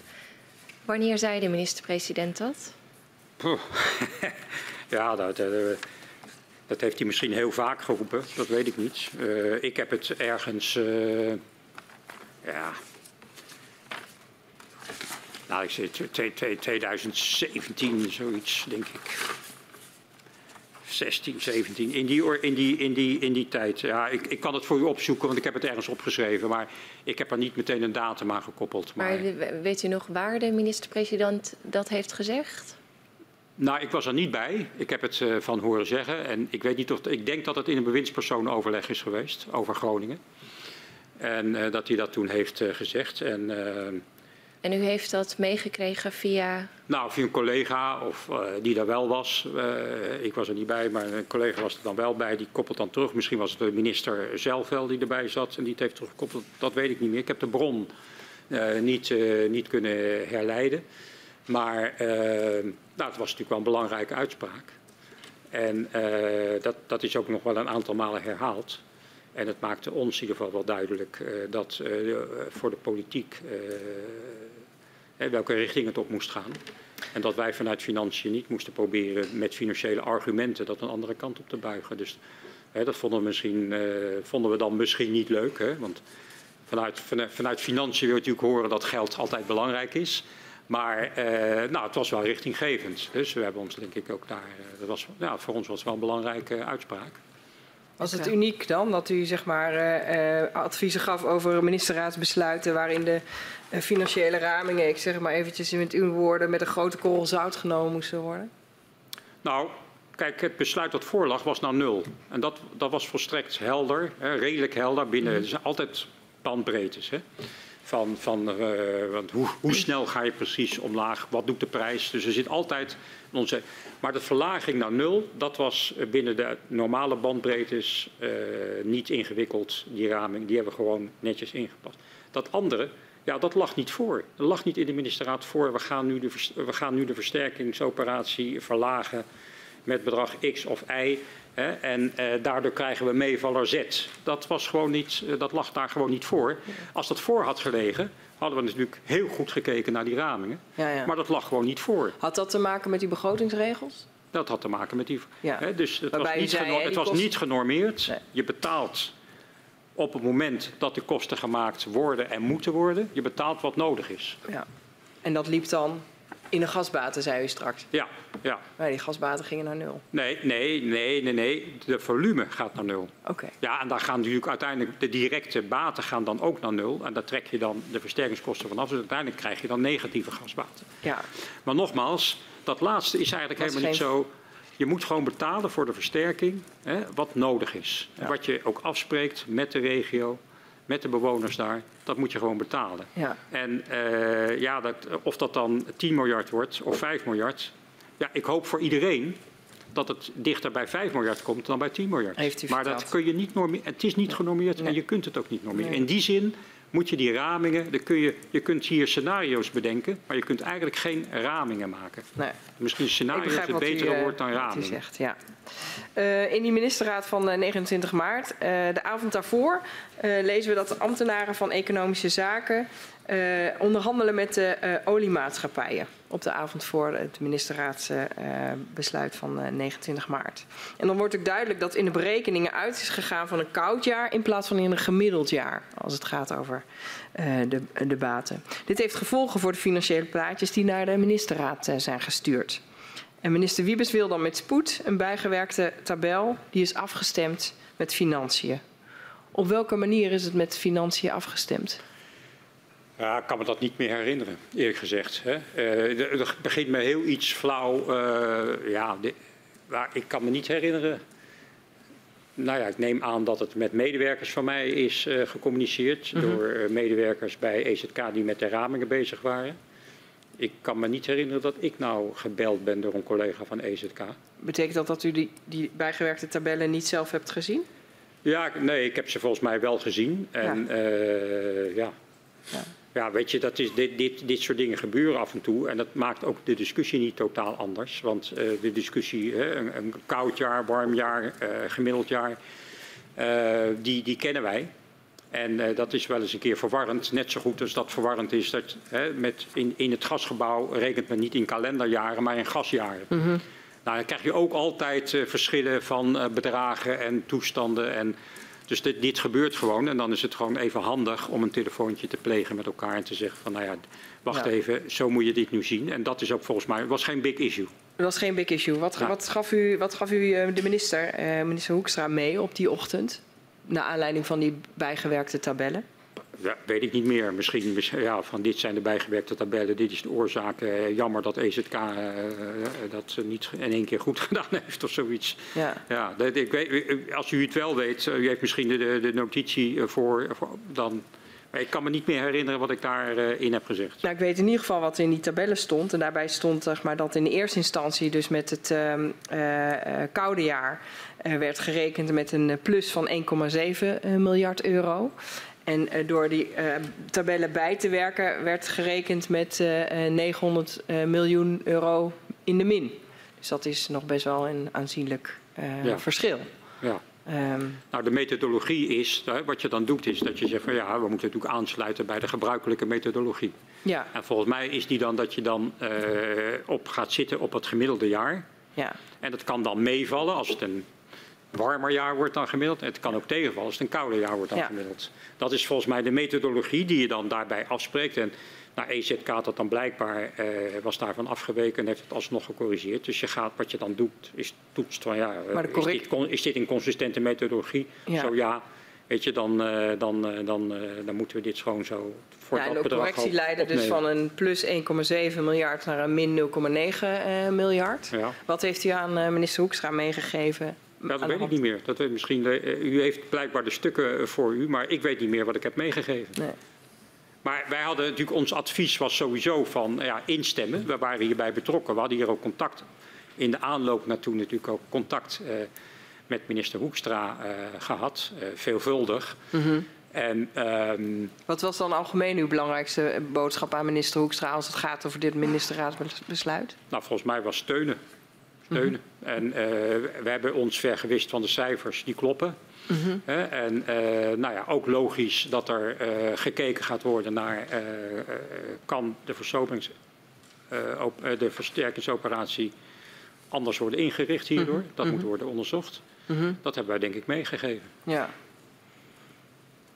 Maar wij waren op zichzelf voorstander, om de reden die ik net al zei. Nou ja, ik vind wel eens, hè, je, je, je, je krijgt een clean sheet, want je gaat naar nul. Nou, dat is op zich op zich uh, ja, goed, uh, goed besluit. We lezen in een mail van ambtenaren van Economische Zaken aan de minister Wiebes. En dan citeer ik even. Ik verwacht zelf nog steeds dat het mogelijk moet zijn om er binnen het eerder gegeven mandaat uit te komen.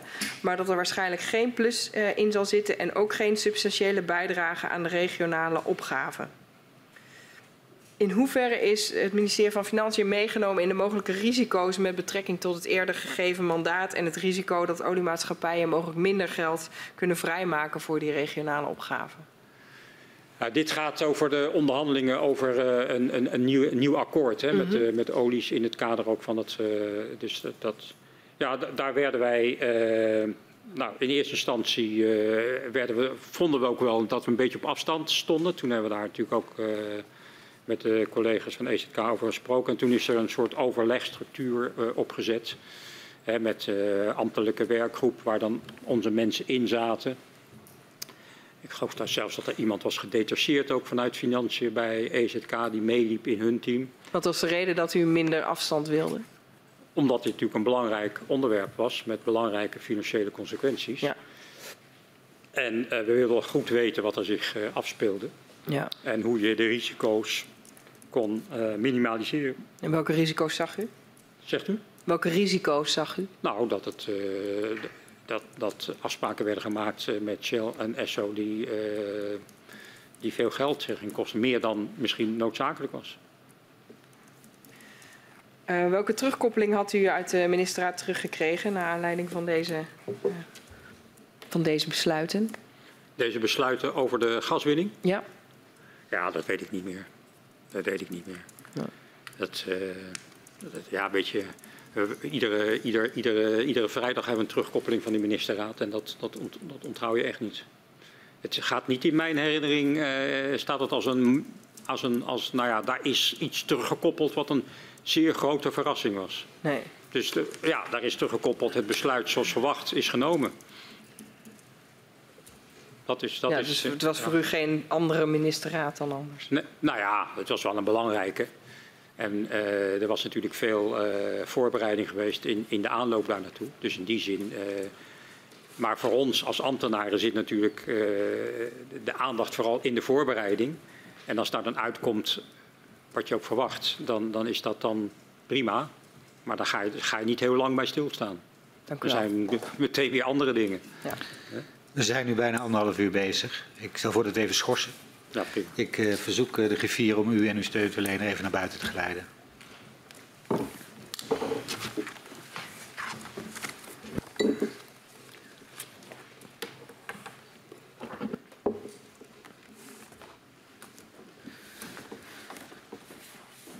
We gaan schorsen tot uh, tien over half twaalf.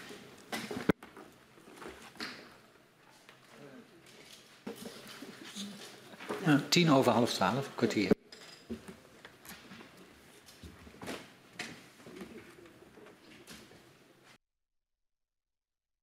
Ik heropen de vergadering van de parlementaire enquêtecommissie aardgaswinning Groningen. Aan, het vervolg, aan, het, uh, aan de orde is het vervolg, ik ging te snel, van het verhoor van de heer Raap. En ik verzoek de griffier om hem en zijn steunverlener naar binnen te geleiden.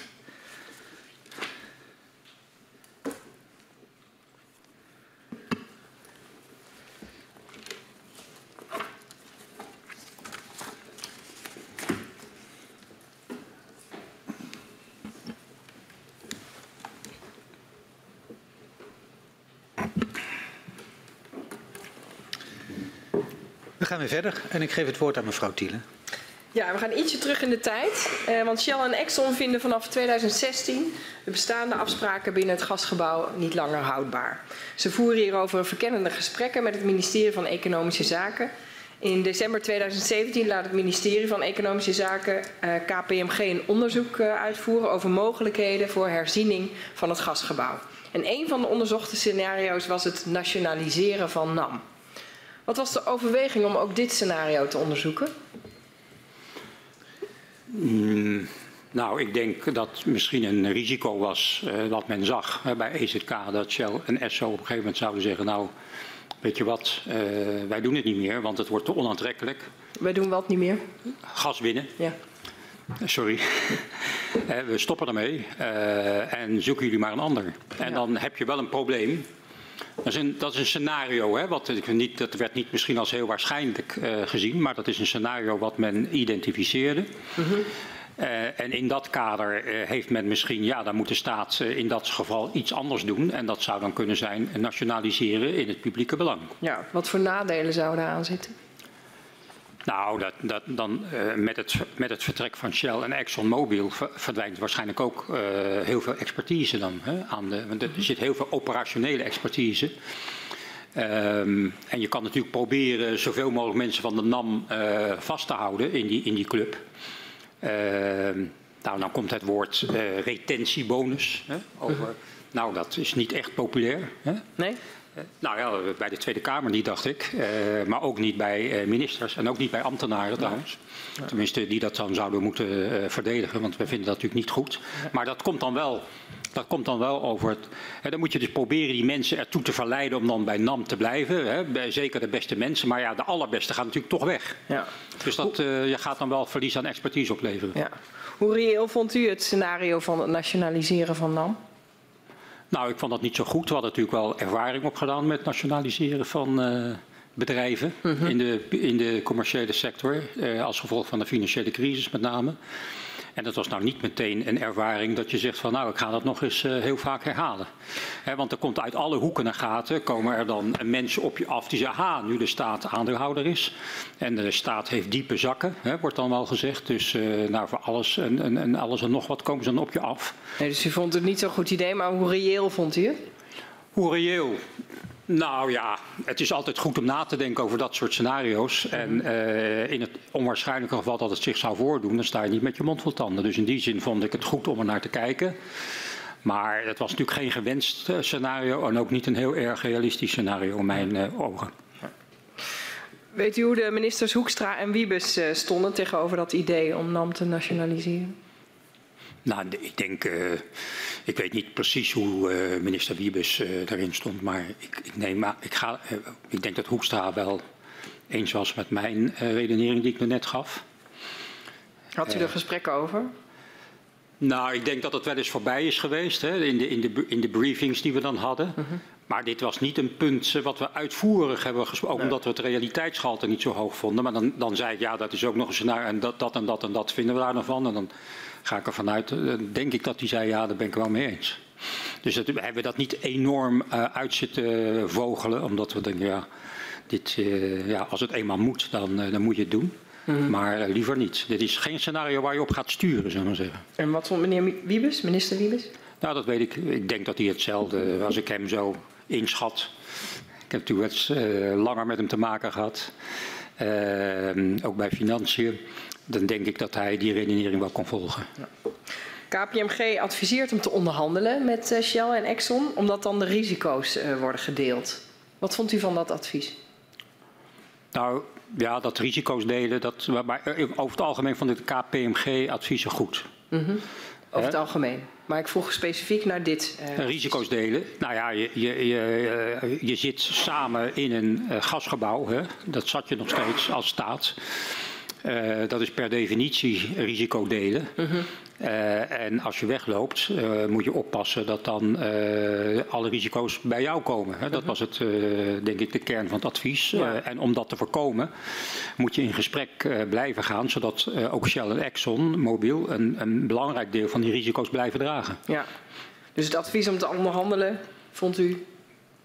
Ja, nou ja, je, je gegeven de historie en, en hoe je tot deze setting bent gekomen. En de bron ligt daarvan natuurlijk ook in de afspraken vanaf 1963. Ja, dan, dan kan je niet anders hè, uh, in, in 2017 en 2018 dan het gesprek aangaan. En dan te komen tot uh, een, een goed einde van die gaswinning. Ja.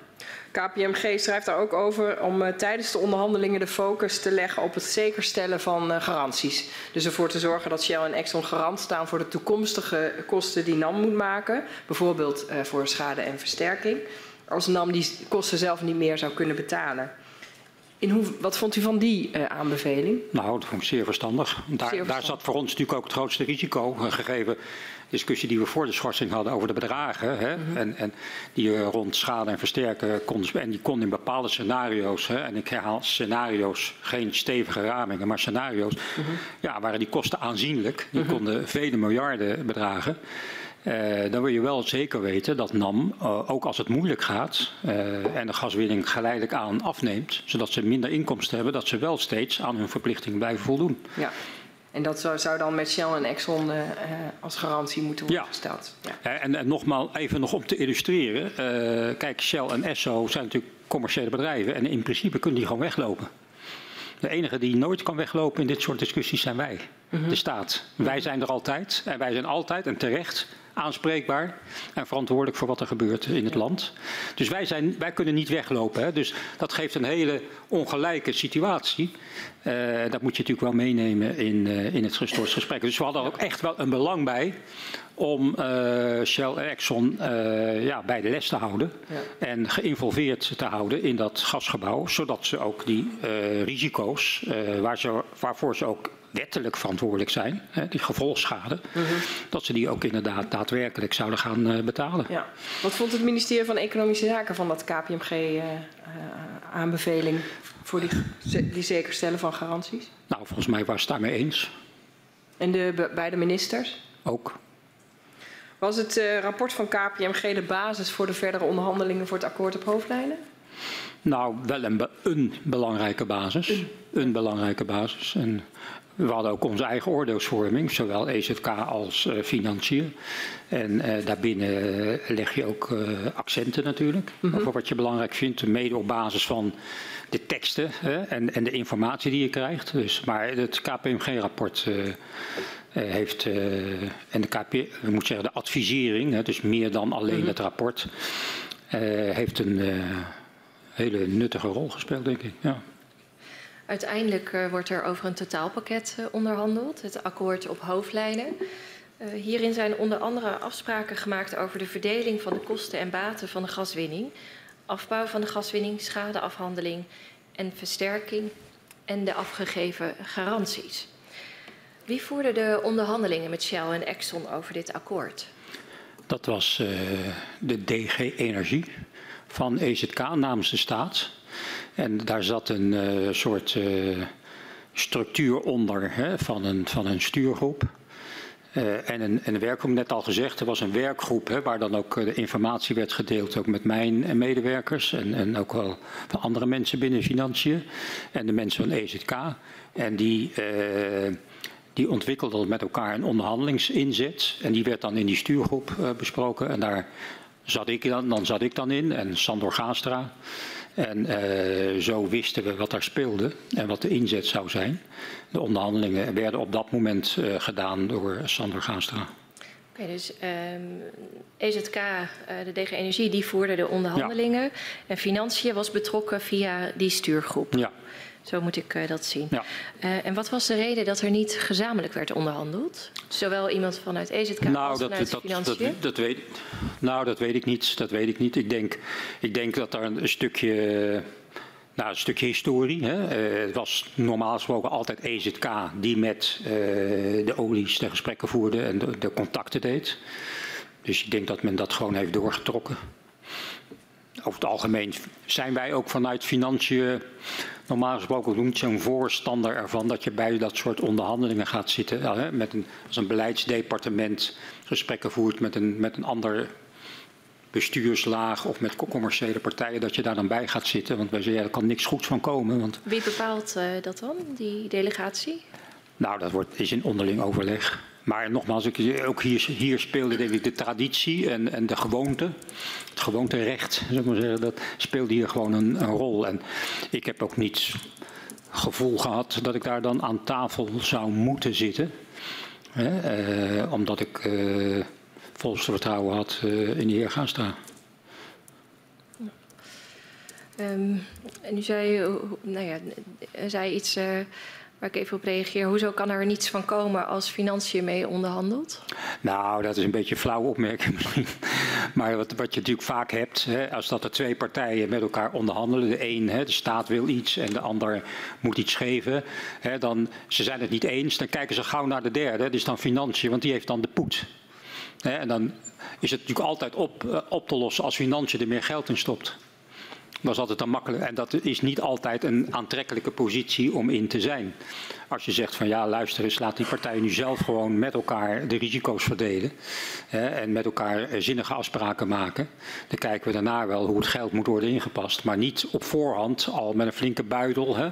Dus staat hier Gaastra, die heeft dan een flinke buidel geld in de vorm van mij naast zich zitten. Ja, dat gaat natuurlijk niet goed. In de meeste gevallen. Hè. Dus daarom zijn wij daar meestal, maar er zijn uitzonderingen op de regel.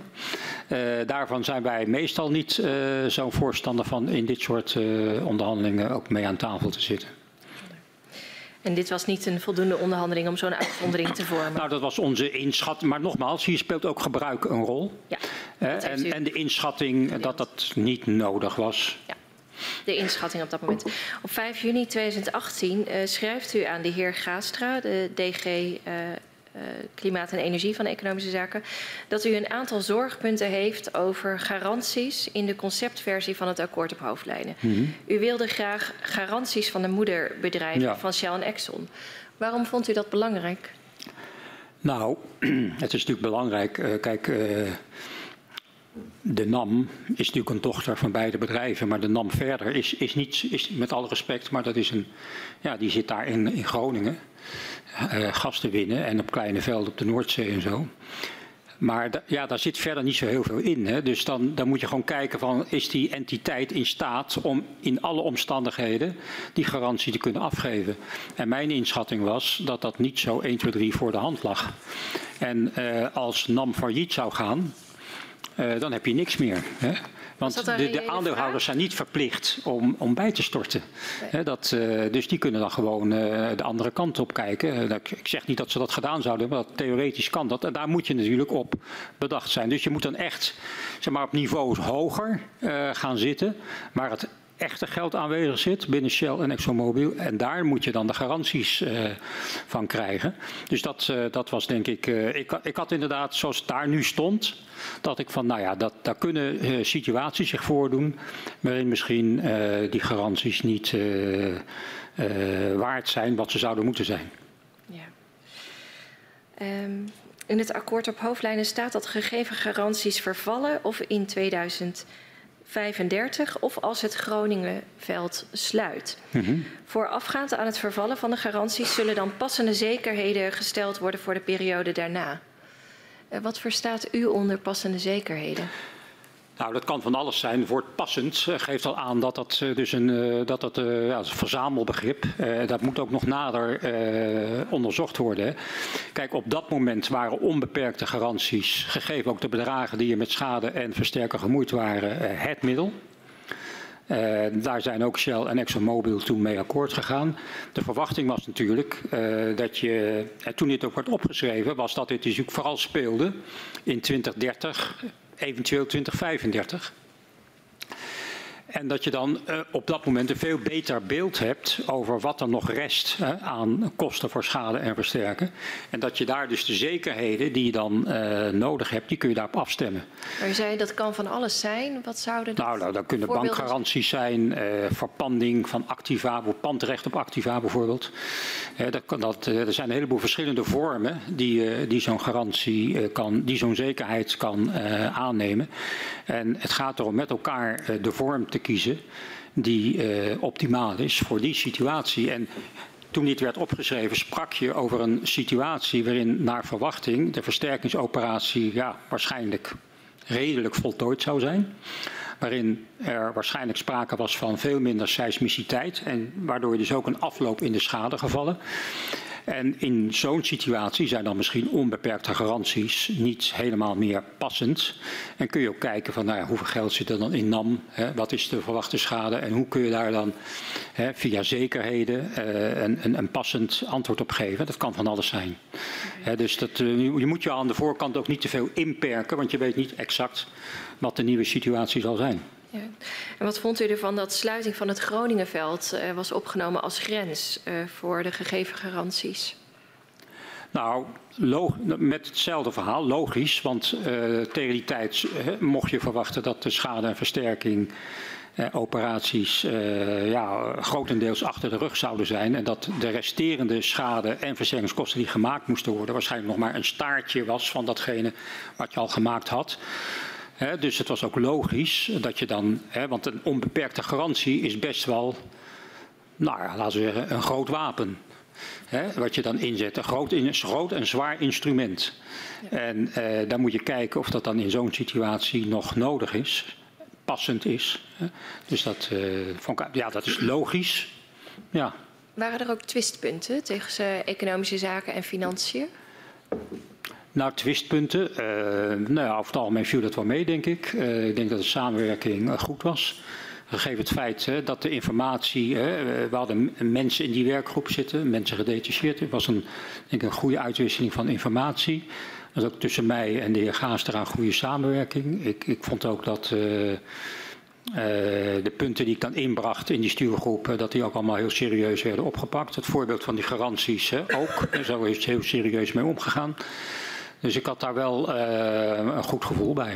En eh, je hebt natuurlijk altijd verschillende invalshoeken. Om, maar, hè, wat, wat, wat, wat bijvoorbeeld een rol speelt, is dat je soms, verkeerde in, eh, soms andere inschattingen maakt over de positie van de partners met wie je onderhandelt. Of als jij A zegt, doen zij B, nou daar kun je natuurlijk verschillend over denken. Nou, maar daar kun je ook over spreken.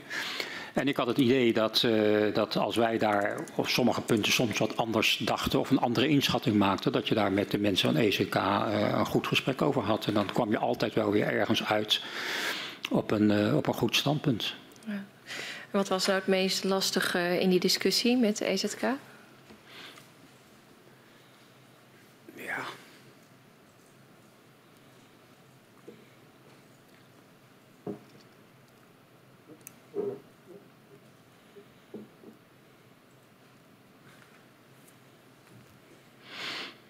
Nou ja. Dat vind ik, ik vind eh, in dat, wat, zoals het uiteindelijk in die. Nou, ik denk dat in de, in, in, de aanloop, hè, dat, over het algemeen viel dat denk ik, eh, konden we, eh, ma- waren, waren we het eens over de inzet. Aan het einde toe denk ik dat er wat verschil van inzicht was over de rijkwijde en het belang van die heronderhandelingsclausule, hè, 1.5. Hè, die zegt van, eh, nou als er een aantal dingen gebeuren, A, B, C, D, E of zoiets. Dan, dan zeggen partijen toe te goede trouw te onderhandelen over het herstel van de balans. En um, ik vond hem wat misschien, ik vond hem misschien niet helemaal nodig in die zin. Um, ik vond hem misschien had hij iets minder ruim geformuleerd kunnen worden. Uh, maar we hebben daar vervolgens ook goed overleg over gehad. Ook met uh, externe uh, juristen erbij. De landsadvocaat heeft er naar gekeken. Het heeft nog wel, denk ik, aangeleid tot enige aanpassing van die tekst. waarmee ook wij uiteindelijk door, door de deur konden. Okay, en met wij bedoelt u dan? Nou, financiën en EZK. Financiën, ja. financiën en EZK. Ja. En waren de potentiële risico's voldoende afgedekt door de afgegeven garanties? Nou, dat denk ik wel, ja.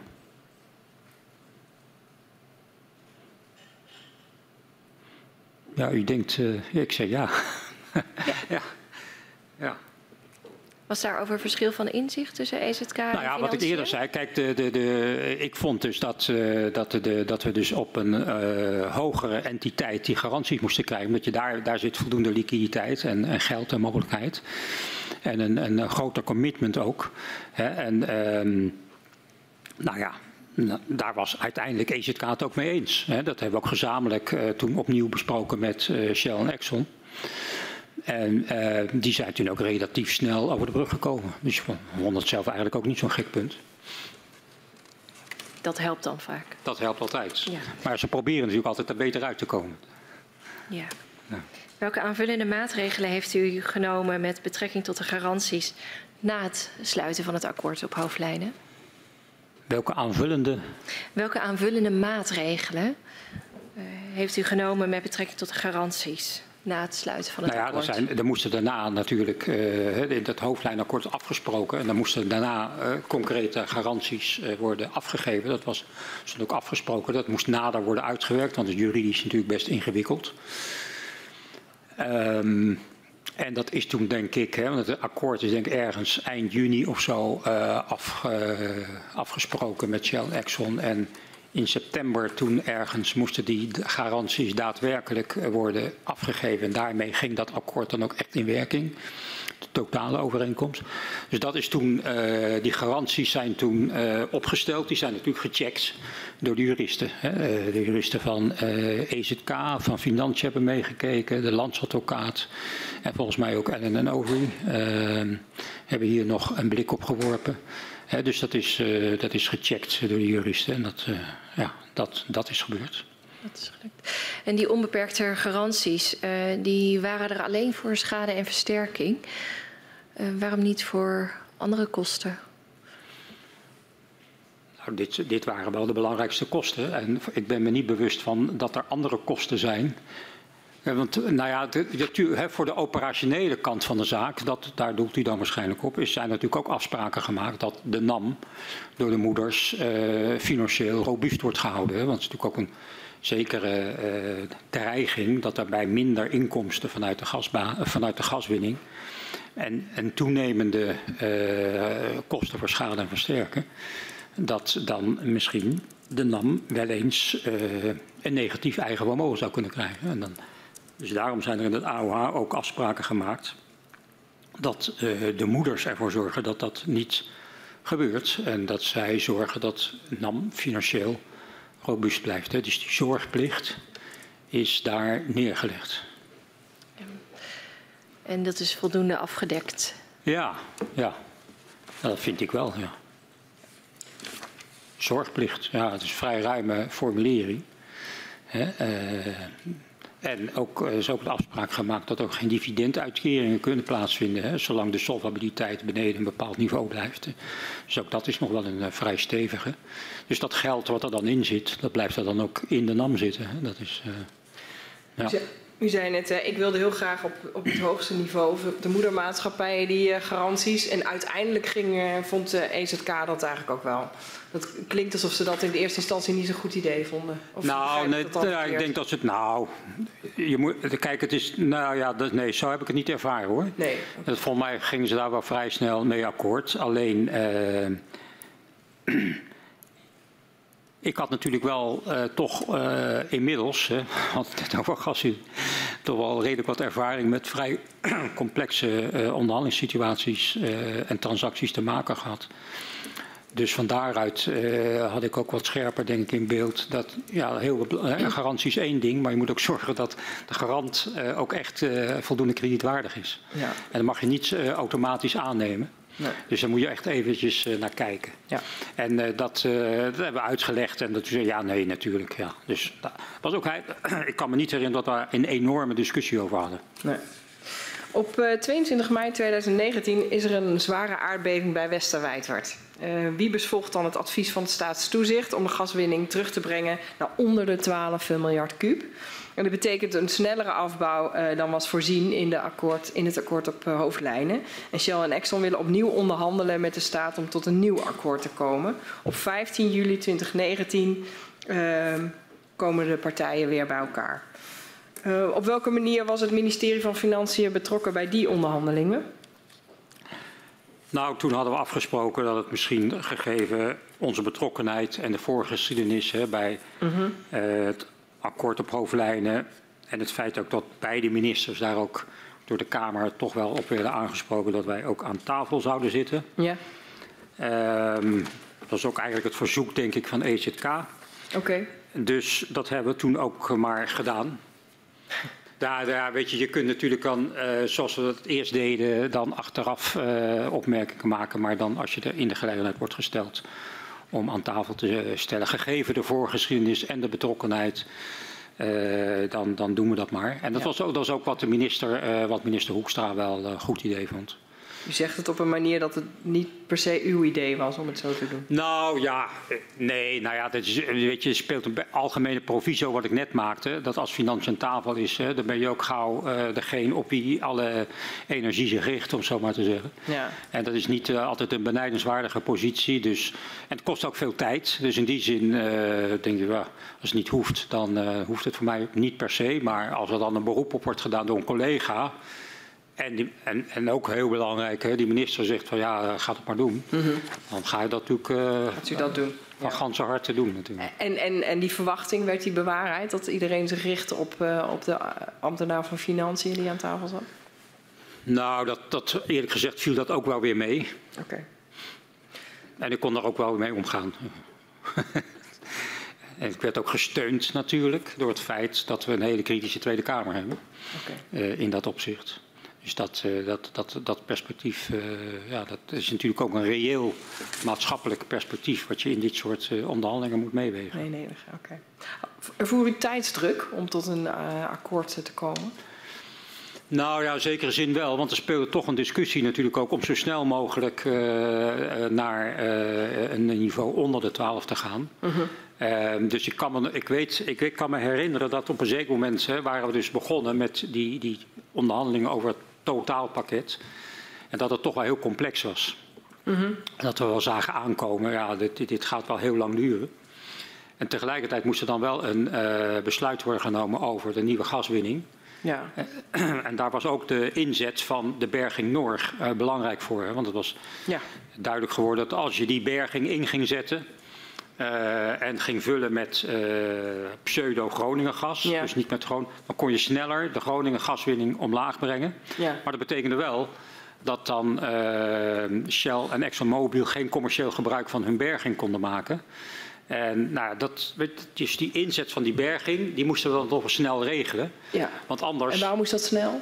Nou, omdat de minister moest een besluit nemen over het nieuwe gaswinningsplafond. Mm -hmm. En als we geen helderheid hadden over die uh, inzet van Norg, dan zou dat dus een niveau boven de 12 zijn. Ja. En met Norg kon het onder de 12. Ja, okay. dus van, en, en dat moest ergens dan, nou, u noemde net al een, een datum, ja. maar dat moest dan voor ergens september, oktober, moesten we daar zekerheid in hebben. Ja. En dat, dus dat, dat gaf enige tijdsdruk. Dus wat we toen gedaan hebben, is dat we dan die, die inzet van Norg, die hebben als het ware daaruit gehaald. En die hebben dan met prioriteit uh, en ook met medewerking van Shell en Exxon hebben daar afzonderlijk een, uh, een uh, akkoord over gesloten. Ja, dus u zegt die Norgberging was, van, die was noodzakelijk om überhaupt over het gaswinningsplafond ja. te gaan.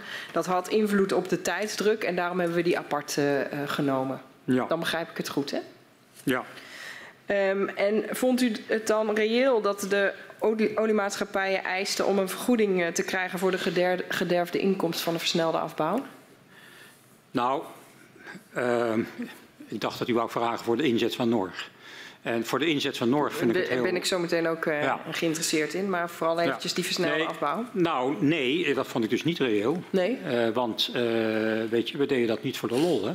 Het is niet zo dat dat basispad, dat is wel genoemd in het AOH, maar dat is niet, uh, daar er is niet een toezegging gedaan van de staat. Nee. Van uh, dat is het en uh, geen, geen kubieke meter minder. Nee, dat was, dat was op dat moment het basispad. Maar tegelijkertijd heeft de minister, Wiebes, in al zijn uitingen ook aangegeven dat de inzet was om dat sneller te doen. He, dit was als het ware het, het nou ja, het minimale, uh, het, het, maximale pad moet je eigenlijk zeggen, ja. van de gaswinning. Dus dat, die mogelijkheid van snellere daling heeft er van begin af aan altijd ingezeten. Mm -hmm. En uh, dat deden we ook niet voor de lol, hè, uh, om Shell en Exxon te pesten. Maar dat deden we omdat er natuurlijk ook een maatschappelijke behoefte aan was. Dat was belangrijk om zo snel mogelijk naar nul te gaan. Mm -hmm. Dat hadden we ook gezegd. er waren ook adviezen hè, van externe deskundigen. SODM, et cetera, die in die richting uh, wezen. Dus weet je, we hebben gewoon gedaan wat uh, in het publieke belang was. Uh, zo snel mogelijk naar nul onder borging van de leveringszekerheid. En u zegt dat was eigenlijk ook bekend bij de oliemaatschappijen dat het sneller zou kunnen? Bij die eerdere onderhandelingen? Nou, dat hadden ze, nou, nou ja, dat hadden ze kunnen weten. En in ieder geval, dan moeten ze dat nu weten. En ze moeten ook weten voldoende meewegen dat uh, in deze fase natuurlijk uh, Groningen gaswinning niet zonder meer een commerciële activiteit is. Hè. Uh, Wat bedoelt u daarmee? Nou, tuurlijk kun je er geld mee verdienen en daar, daar zitten zij ook voor. Maar mm. inmiddels was natuurlijk het belang van de Groninger gaswinning veel groter geworden. Dat was namelijk, we gaan dat sluiten. Ja. En zo snel mogelijk, en tegelijkertijd moeten we dat doen op een manier dat de leveringszekerheid, ook een publiek belang, waar Shell en Exxon misschien minder mee mm. hebben, maar wat wel voor heel Nederland van belang is, ja. die moet je borgen. Dus dat, is een, dat zijn twee publieke belangen die je dan uh, moet realiseren. En dat staat natuurlijk uh, boven het commerciële belang van uh, zoveel mogelijk geld eruit kunnen halen. Was er nog een verschil tussen de beide olies? Over die Was er nog een vers verschil tussen de beide olies bij die eisen over, het, maar ja, volgens mij niet. over die vergoeding? Volgens mij niet. Nee? Nee. Nou, dus de een verpakt het misschien net iets mooier dan de ander, maar volgens mij uh, staat ze ook wel op één lijn. Kijk, net zoals de EZK en Financiën hebben soms een net iets andere toonzetting. En dat hebben dan Shell en ExxonMobil misschien ook. Ja. Maar uiteindelijk gaat het erom, wat vinden ze, wat leggen ze op tafel? Ja. En daar stonden ze volgens mij met z'n tweeën stonden ze voor dat standpunt. Namelijk vergoeding voor vergoeding de inkomsten. tot de laatste euro. Waarom is er uiteindelijk een akkoord gesloten uh, voor één jaar in plaats van um, voor meerdere jaren, het zogenoemde interim akkoord? Nou ja, dat, dat, was, dus, uh, dat was dus gedaan omdat we dus, uh, de minister moest snel... Minister Die snelheid, ja. Snel een besluit nemen over de winning in het volgende gasjaar. Ja, dan moest ergens moet je dan, hè, dan moet je iets, iets neerleggen, een concept besluiten. Nou, dan moet er dan ja. consultatieperiode is dan voor. Dus daar zat een bepaalde druk op. En dat was belangrijk om te voldoen aan het advies van SODM. Uh, onder de 12. Ja. En dat wilden we dus graag. En daar had je dan de inzet van Norg voor nodig. Ja. Dan kon dat. Hè, dat had GTS aangegeven. Nou, misschien. Nou, en Shell en Exxon die, die zagen dat ook wel. Dus die waren eigenlijk nog wel uh, ter wille om uh, dat ook. Dus dat is eigenlijk wel mooi. Hè. Ik ben ook vaak kritisch op ze, maar het was toch wel mooi dat ze hier apart een afspraak over wilden maken. Mm -hmm. En hun voorwaarde was natuurlijk wel dat ze daar dan voor die gewijzigde inzet van Norg vergoed zouden worden. Ja. He, want ze, ze, zetten dat commercieel in. Ze kopen gas dan in de zomer. He, als lage tarieven kopen ze dat in. En kunnen ze dat in de winter verkopen tegen hogere tarieven. Dat is gewoon ja, dus commercieel. Ja. Dat kon dan niet meer he, door deze gewijzigde inzet. En zij wilden daar dan een compensatie voor hebben. Ja. Dat vonden wij op zich wel een reële wens. En dan moet je nog even kijken, hoe groot is dat dan precies. Mm -hmm. maar uh, dat, dat is dan meer een kwestie van... Uh, even checken bij elkaar en wat is nou reëel, wat is nou reëel en wat niet. Mm -hmm. Maar daar lagen geen principiële uh, verschillen van inzicht aan te nee, Dus u zegt hè, dat het voor één jaar was, uh, was ook omdat het sneller moest. Ja. Uh, u vond het eigenlijk nog wel reëel dat de Norg daarin een, een, een vergoeding voor de gederfde commerciële inkomsten daarin zou ja. zijn. Um, werden daarmee wel de onderhandelingen van elkaar losgekoppeld? Ja, dat heeft u eigenlijk al gezegd hè? Dus aan de ene kant. Nou, dat, de dat, ene, kant- dat ene stukje werd er als het ware uitgehaald. Ja, En omdat we toen ook niet eens konden worden over. eh, dat, toen, eh, over het de bedrag. inzet was een akkoord te maken voor drie jaar in één Ja. keer. En omdat we zagen dat dat ook nog wel lastig was, gegeven de bedragen die er dan mee gemoeid waren. Ja, Toen hebben we gezegd, nou dan doen we eerst dat eerste jaar. Eh, en dan maken we daar dan doen we een soort vooruitbetaling hè, voor. En dan gaan we daarna verder kijken wat het dan eh, voor die hele periode van drie jaar is. En dan brengen we dan die, die voorschotbetaling die we dan doen als Ja. staat, die brengen we daarop in mindering. ja, Zodat je nooit te veel betaalt. ja. En is dat zo? Nou, dat is ook gebeurd. Zo is het ook gebeurd, ja. Dus dat is in ieder geval het mechanisme wat is afgesproken toen, eh, ja. En daar bent u tevreden over? Nou, ehm, ik denk dat dat eh, in het licht van de informatie toen die we hadden ehm, verstandig is. Ehm, je ziet nu natuurlijk, hè, we, spraken toen over prijzen van gas van, van 12, 15 cent of zo per kubieke meter. Hè, en dat is nu denk ik eh nou ja, voor acht of voor tienvoudigd. Ja, En dus vandaar dat ook de vergoeding eh, natuurlijk veel hoger is uitgekomen eh, dan eh, toen verwacht. Maar kun je zeggen, ja, dan had je dus heel snel een afspraak moeten maken. Maar er staat natuurlijk, hè, zij zijn niet, de afspraak is natuurlijk altijd, hè, de vergoeding wordt afgemeten aan de dan geldende marktprijs. ja. Dus ik denk niet dat er een andere oplossing eh, denkbaar was. Nee. Het leidt er in ieder geval wel toe dat, eh, dat is dan misschien de keerzijde, dat er weer voldoende geld zit in NAM op dit moment. En dat je dus eh, ook met Shell en Exxon eh, het gesprek kan aangaan over hoe dat geld alsnog ten gunste van Groningen kan worden gebracht. We lezen dat minister Hoekstra tijdens een eh, overleg eh, met eh, minister Wiebes van Economische Zaken op Algemene Zaken ehm, van 23 augustus 2019 aangeeft alleen in te kunnen stemmen met een interimakkoord op voorwaarde dat het geen precedent zal scheppen voor een definitief totaalakkoord. U bent daarbij aanwezig, hebben wij gezien. Wat bedoelde minister Hoekstra daarmee? Dat het geen precedent zou moeten scheppen? Nou, ja, dat moet, moet, een beetje, een beetje, ja. Is een interpretatie van mij. Hè? Dat is niet gebaseerd op eh, wat ik van de heer Hoekstra zelf heb eh, eh, geho- gehoord. Maar ik denk dat hij bedoelt daarmee, als we nu een vergoeding geven voor Norg, mag dat geen doorwerking hebben naar die discussie over de gemiste BCM's als gevolg van een lager basispad. Shell en Exxon zeggen ja, het basispad is daar lager. Daardoor missen wij 33 miljard kubieke meter gas. Wij willen dat euro voor euro vergoed zien. En het feit dat je nu voor Norg, wat natuurlijk om een veel kleinere hoeveelheid gas gaat, die compensatie wel geeft, eh, mag niet betekenen dat het een doorwerking heeft naar die grotere discussie. Dat is wat hij bedoelde. En eh, nou, dat is een heel verstandig uitgangspunt. En, eh, daar was ik natuurlijk ook van harte mee eens. Ehm, welke onderdelen wilde hij niet betrekken in de onderhandelingen? Het gaat hier over dit punt, Ja, wat, dit u, punt, wat u zegt. punt, ja. Had u liever wel een totaalpakket uit onderhandeld? Ja, liever wel natuurlijk. Alleen dat was niet mogelijk. Ehm, eh, we hebben later die discussie over het brede totaalpakket met Shell Exxon ook nog. eh, Waarom was het niet mogelijk? omdat zij op dat moment geen. Nou ja, ik zeg het even in mijn woorden, zij zullen daar anders over denken, maar ik vond niet dat zij een reële onderhandelingspositie innamen. Waarom verwoordt u dat zo? Nou, omdat, omdat, omdat er toen was, was een hele, heleboel gedoe in die tijd over wie legt nu het eerste bod op tafel. En, en daar stel je natuurlijk in zekere zin kwetsbaar eh, mee op. Wij hebben toen vanuit de staat eh, een, een bod gedaan. Eh, de- dit is ons, nou, een bod, hè, dit is onze positie. Eh, en daar zouden zij dan op reageren. Nou, dat kwam dan eh, na heel veel vijven en zessen. Hè. Leek wel of zij de ambtenaren waren in plaats van wij, maar dat duurde echt heel lang. Ehm daar moesten we echt om vragen. Nou, toen lag het er. En zei, ja, maar dit is toch geen bod, want dit is gewoon, dit is gewoon maximalisatie op ieder punt. Nou ja, dan moest het ook niet zien als een bod, maar als een menu. Een menu. Een menu.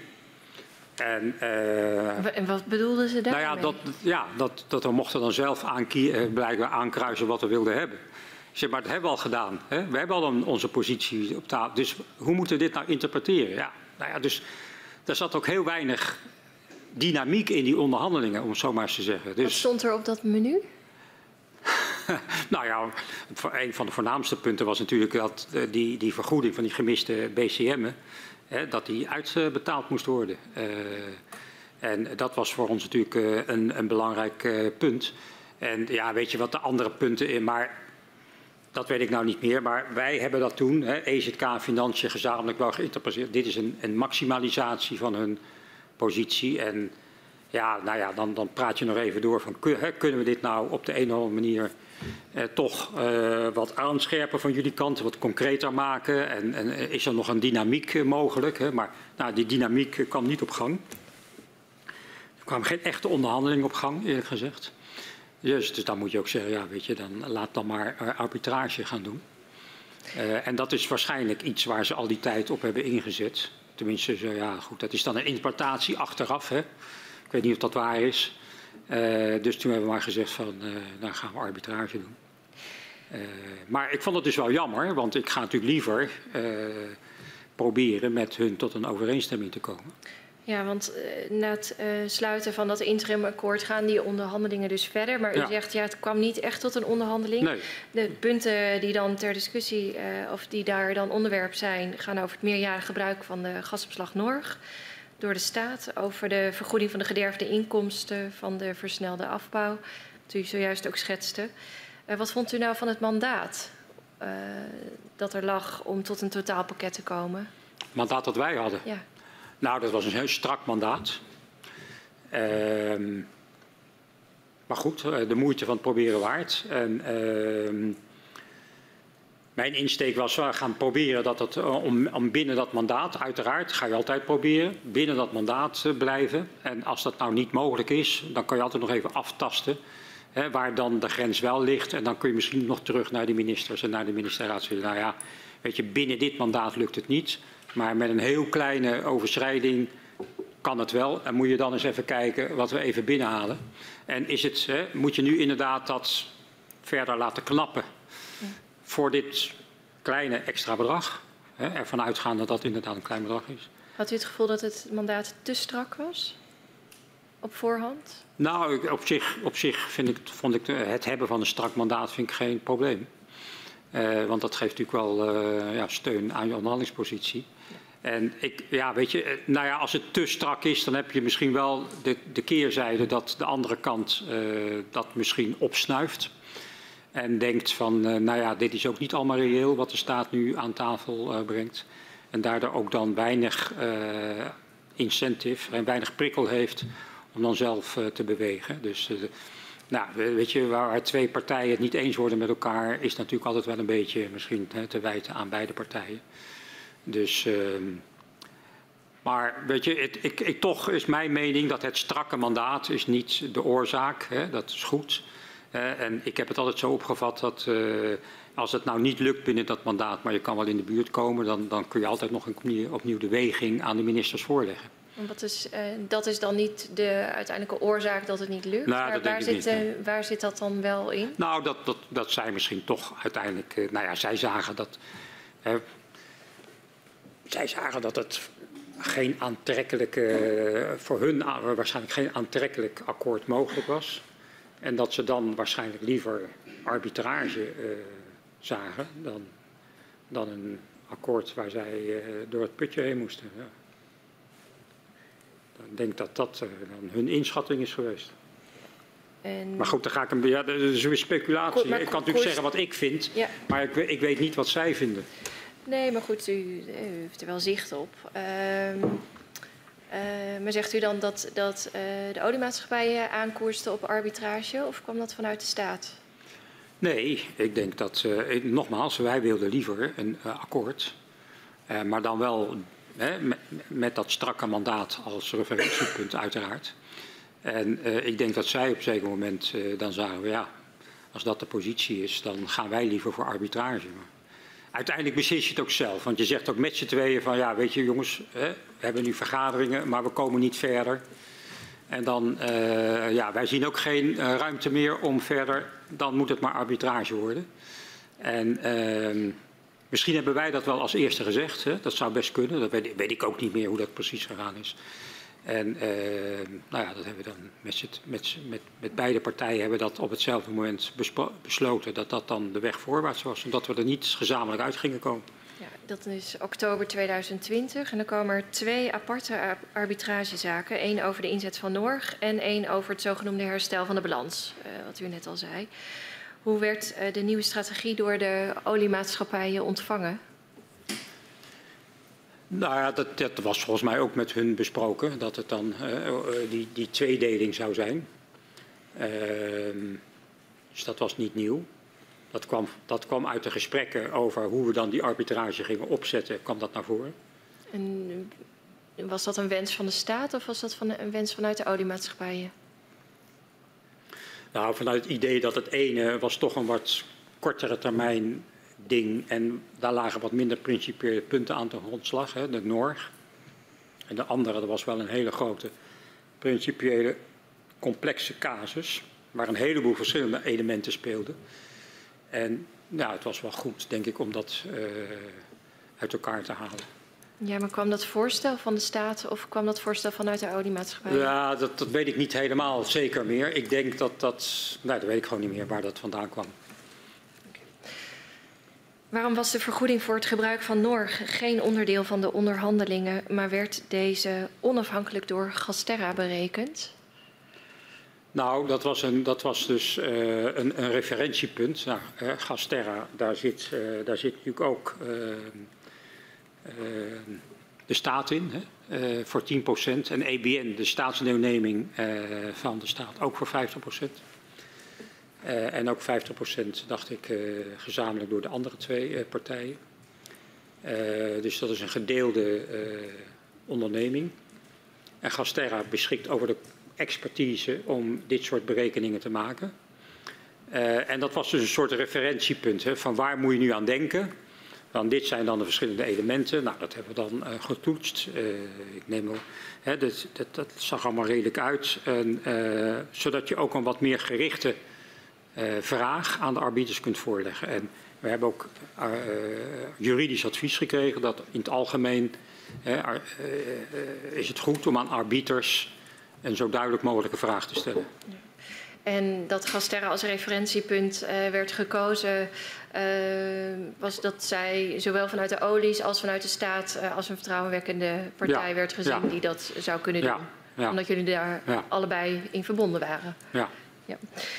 In hoeverre speelde nou mee dat een onderhandelingsresultaat uh, verdedigd zou moeten worden in de Tweede Kamer uh, en een arbitrageuitkomst niet? Nou, kijk, het risico was wel, uh, de, de, benadering die ik net schetste, van stel, je, je hebt een mandaat. Het lukt niet binnen het mandaat. Je gaat terug naar de ministers en je zegt, nou, met een beetje extra, moet niet te veel zijn natuurlijk, kan ik het wel. En dan heb je nog steeds al die voordelen. Maken jullie maar de weging, gesteld dat je dat dan doet.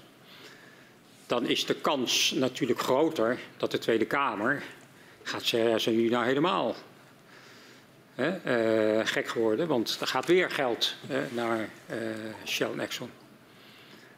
En dat daar dan de kwalitatieve elementen, die je ook bereikt met zo'n akkoord, dan wat onderbelicht in worden. dat de geldstroom belangrijker wordt gevonden dan de kwalitatieve onderhandelingsresultaten. Uh, dat risico heb je dat wat minder bij arbitrage, omdat het dan een onafhankelijke uh, instelling is die uh, besluit. Dus dat, dat, dat kan een rol hebben gespeeld, ja. Maar de insteek is wel echt geweest om te kijken of we binnen een strak mandaat en daar is ook de weging gemaakt natuurlijk van, nou ja, dat, is dan een, een bedrag wat eruit komt, dat is dan goed uit te leggen, ook naar de Tweede Kamer. Omdat dat wel de insteek om het daarmee uh, te gaan doen. En ik heb altijd gezegd, ja, ik ga liever zelf hè, proberen tot een resultaat te komen dan een arbitrage. Omdat je dan controle hebt uh, op wat je afspreekt. En ik zie nog in die fase mogelijkheden om tot een overeenstemming te komen. Laten we dat proberen. Want ik zag ook wel ja, dat voor de Shell Exxon ook niet zo aantrekkelijk is natuurlijk. Want ja, nou ja, de, toch uh, publicitaire schade kan het allemaal op uh, gesteggel over geld.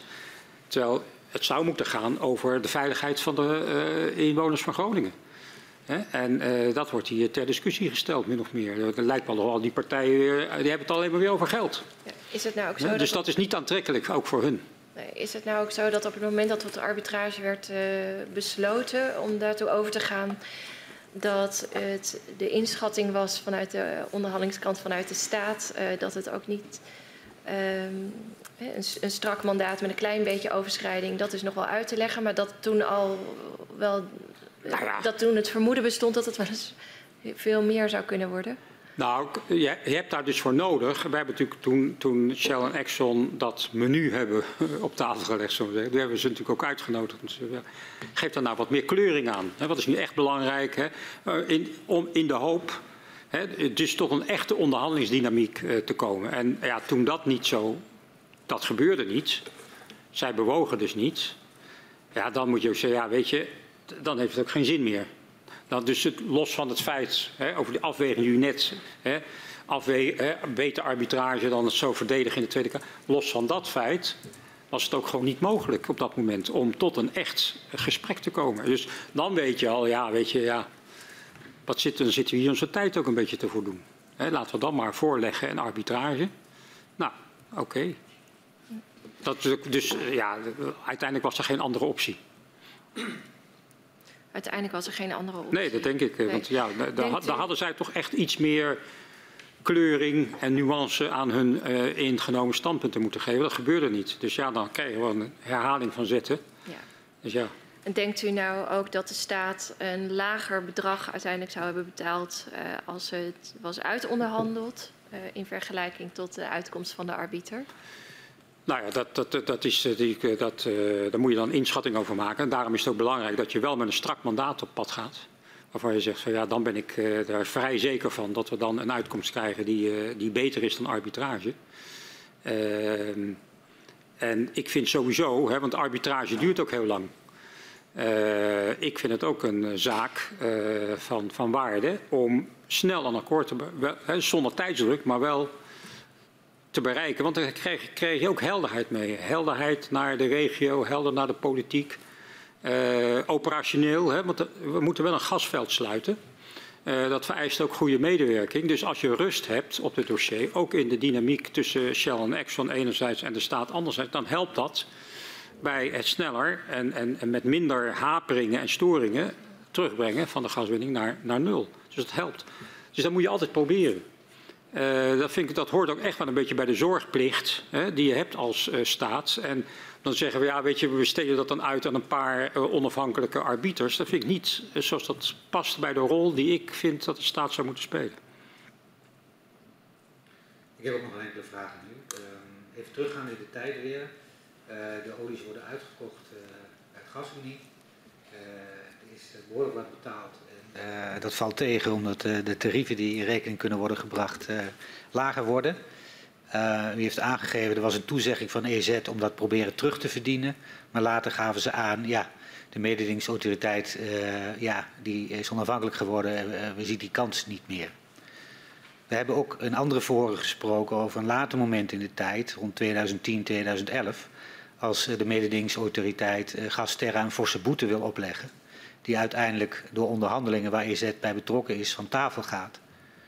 Hoe moet ik die twee dingen met elkaar rijmen? Ja, dat is een goede vraag. Ja, weet je, ik kan, de, ik kan die vraag eigenlijk niet behoren. Ik kan alleen maar zeggen dat ik verbaasd was. Gegeven het feit dat wij dus hoorden van de collega's van EZK dat uh, de ACM of NMA, ik weet niet meer wat toen de juiste naam was, uh, dat die onafhankelijk was, dat ze dat met betrekking tot die regulering ze ons niet konden helpen. Um, maar dat tegelijkertijd uh, de toenmalige minister, ik weet, niet meer, ik weet niet eens meer wie het is, uh, wel naar de uh, NMA slash ACM is gegaan om te kijken of die boete niet veranderd kon worden. Ehm, nou, ja, verbazing.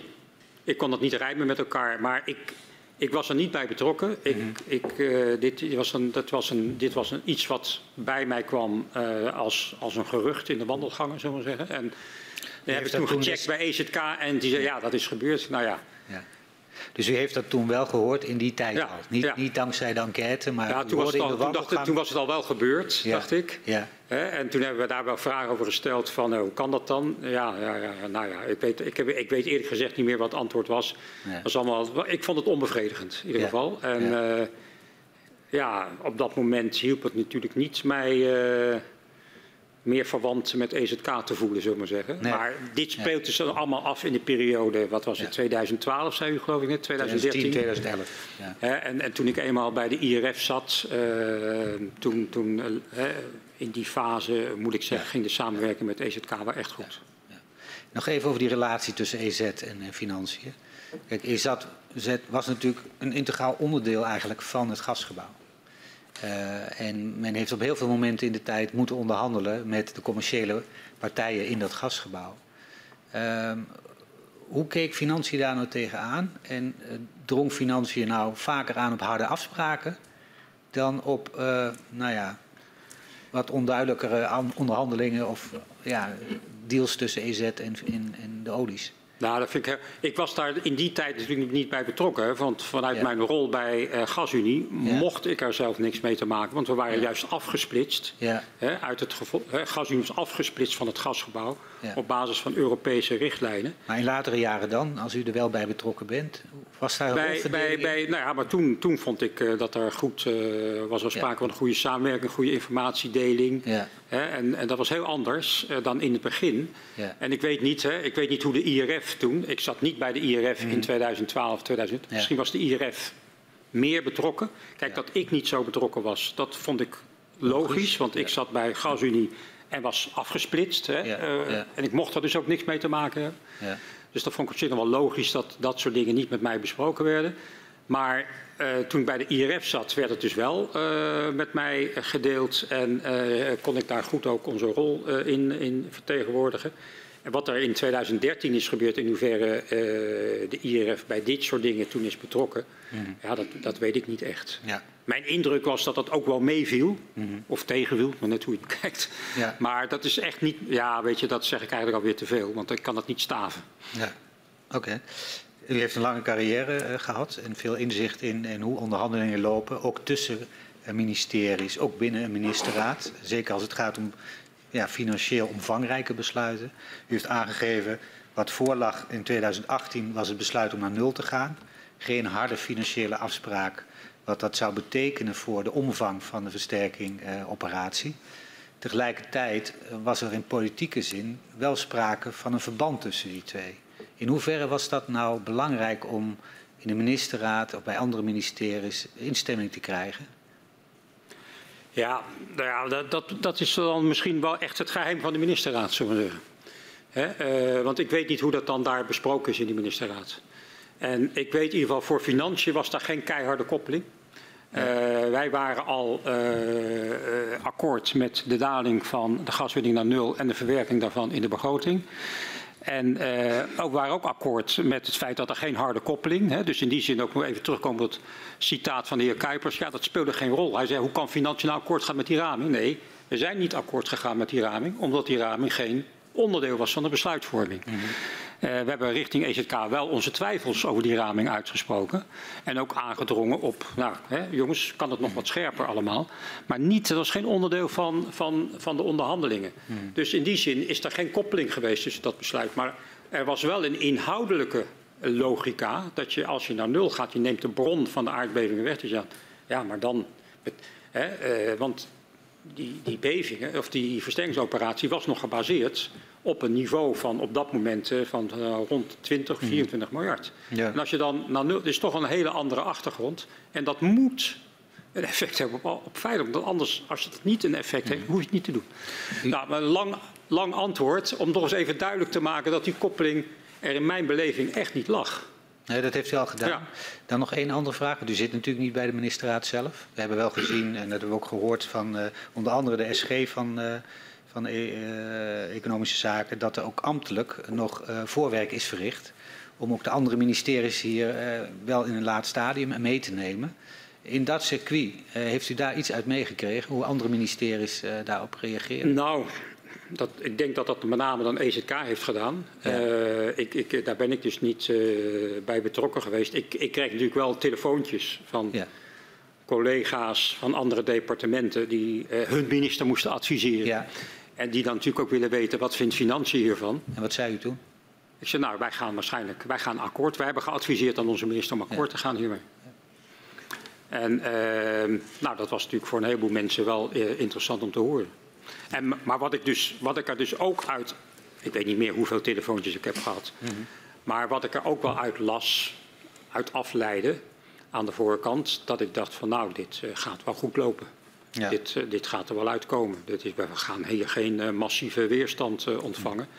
En voor de meeste departementen was het belangrijkste natuurlijk dat dit besluit werd genomen, maar dat ze daar niet uh, voor hoefden om te buigen. Precies. Ja. Dus dat, daar kreeg ik dan met name vragen. Hoe gaan jullie dit in de begroting oppakken? Uh, ja. dus, nou, we hebben wat uh, ruimte gevonden. Dus, dus die, oh, oh, de, de zorg bij hen was groot, van verlichting. De, de zorg bij hen was groter dat ze door een eventueel nulbesluit in de toekomst moesten bezuinigen.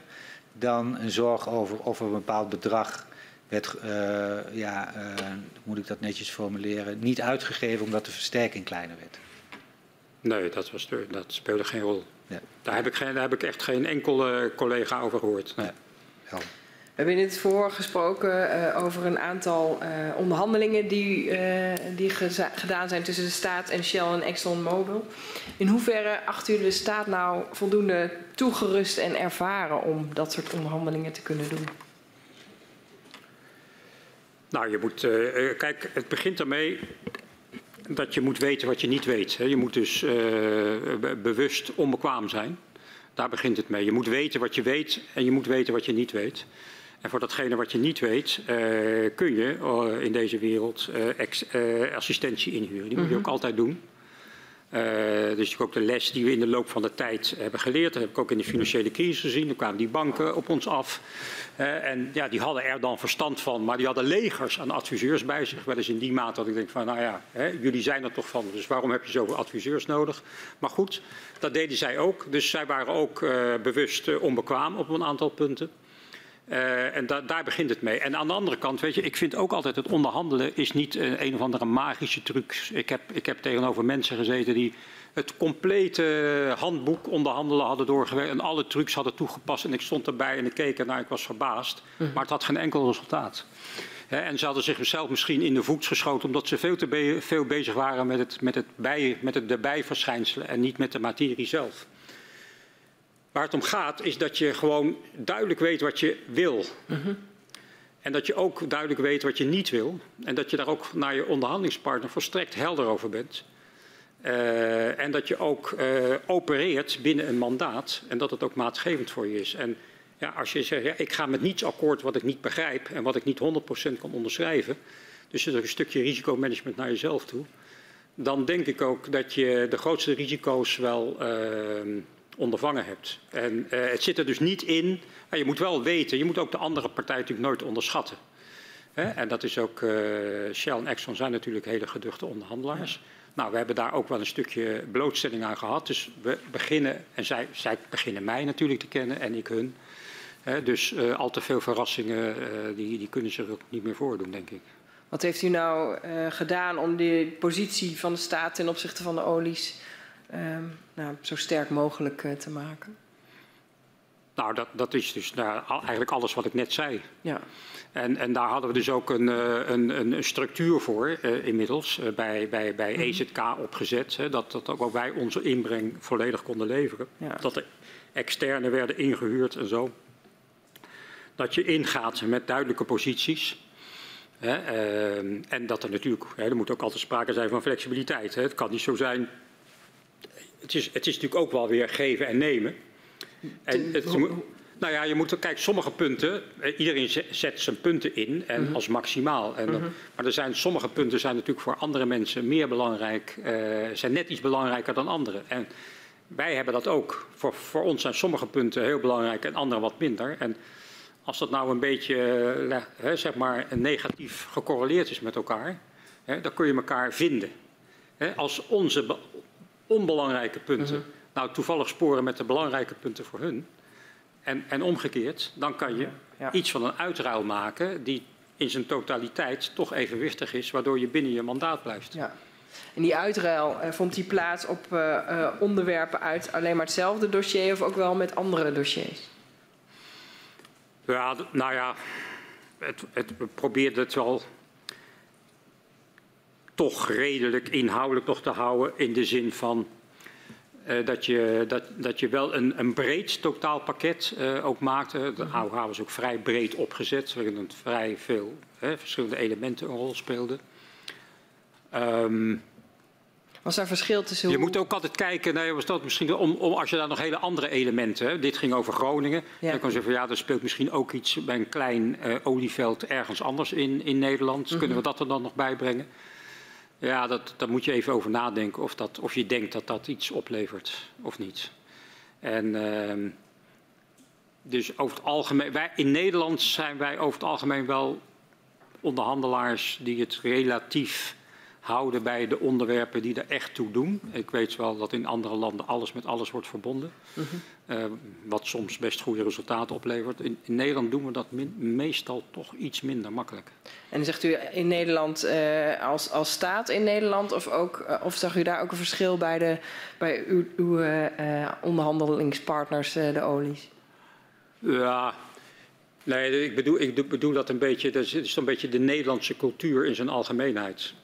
Om het toch wat zakelijker te houden bij de dingen die ertoe doen. En, en, en nou ja, in, ik heb ook eh, in Europa eh, onderhandeld. En dan zul je wel dat eh, landen de, de meest ongelofelijke dingen Ja, met ja. elkaar weten te verbinden. En dan met veto's die ze kunnen inzetten, die helemaal niks met elkaar te maken hebben. Maar dan kun je toch op een ander punt iets ja, wij voelen ons daar, denk ik, als Nederland zijn we daar toch iets minder, voelen we daar, ons daar senang bij. Wij willen toch graag de onderwerpen op hun eigen inhoudelijke merites beoordelen.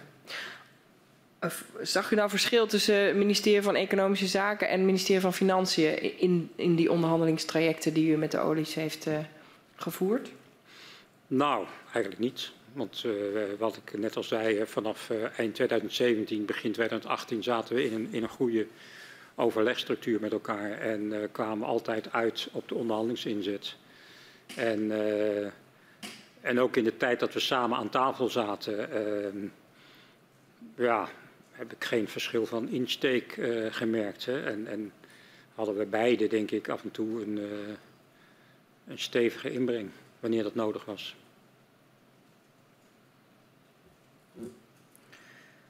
Als u nu eh, zo terugkijkt op uw jaren in, in, vanuit de verschillende posities die u had, ehm, als u aankijkt tegen de publiek-private samenwerking in het gasgebouw, hoe zou u die beschrijven met uw ervaring? Maar ik vind het meer privaat dan publiek. Kunt u me dat uitleggen? Nou, ja, kijk, weet je, dat is een beetje makkelijk, makkelijke gemaakte opmerking natuurlijk. Kijk, er is in 1963 eh, een bepaalde vorm van samenwerking gekozen. De overeenkomst van samenwerking. Eh, en die, die is in de loop van de jaren ook een beetje aangepast, bijgebouwd. En toen ik er dus eigenlijk voor de eerste keer een beetje mee in aanraking kwam, was dat eh, al eh, in, de, in de jaren eh, nou ja, 2007 en verder. En als je dat dan ziet, denk je van ja, hè, met de kennis van toen en nu, ja, dan zouden we dat waarschijnlijk hè, achteraf in 1963 niet meer op die manier hebben vormgegeven. Want welke elementen zijn dan. eh, Nou, wat ik vond, eh, wat je, wat je erg moet oppassen, vind ik, als je dus met eh, twee commerciële partijen in een commerciële venture gaat, mhm. dat het publieke belang niet ondersneeuwt. Want ja, wij zitten er niet om zoveel mogelijk geld te verdienen. Nee. Wij zitten er om publieke belangen te borgen. En dat moet je goed scheiden van de commerciële belangen. En in zo'n samenwerking zoals die daar dan gezet is, neergezet is in 1963, vind ik dat dan de publieke belangen daar onvoldoende eh, in aan mee zijn meegenomen. En je zet ook de mensen van EZK, die daar dan een rol in spelen, wel onder een moeilijke positie. Want ja, ehm, die Zegt- moeten dus enerzijds fijn samenwerken met de mensen van, eh, van Shell en Exxon en anderzijds de publieke belangen. Dus je hebt wel eigenlijk twee verschillende petten op. En dat be- lijkt mij best wel lastig. En, ehm, maar ja, weet je, iedereen, eh, dus in 2007, toen ik op de, iedereen moet dealen met de situatie die er toen is. EZK heeft ook denk ik wel, zag die kwetsbaarheid ook wel en heeft ook wel uh, getracht daar geleidelijk aan uh, iets aan te doen. Uh, door zich ook anders op te stellen. Nou, ik zeg al net, -huh. de, hoe we dat in het AOH aanpakten en oppakten, heb ik zelf als heel positief ervaren. Dus inmiddels denk ik dat EZK zich wel echt zodanig positioneert dat het publieke belang voor hun ook echt voorop staat. Dank u wel. Hè? Ja. We zijn gevraagd. Okay. Okay. Voor uw medewerking en ik verzoek uh, de griffier om u en de heer uh, Van Goudhoeven naar buiten te geleiden. Dank u wel.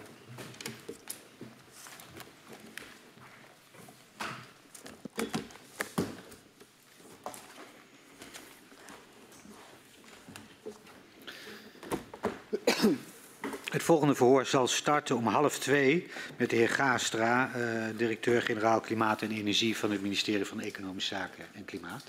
Ik uh, sluit de vergadering.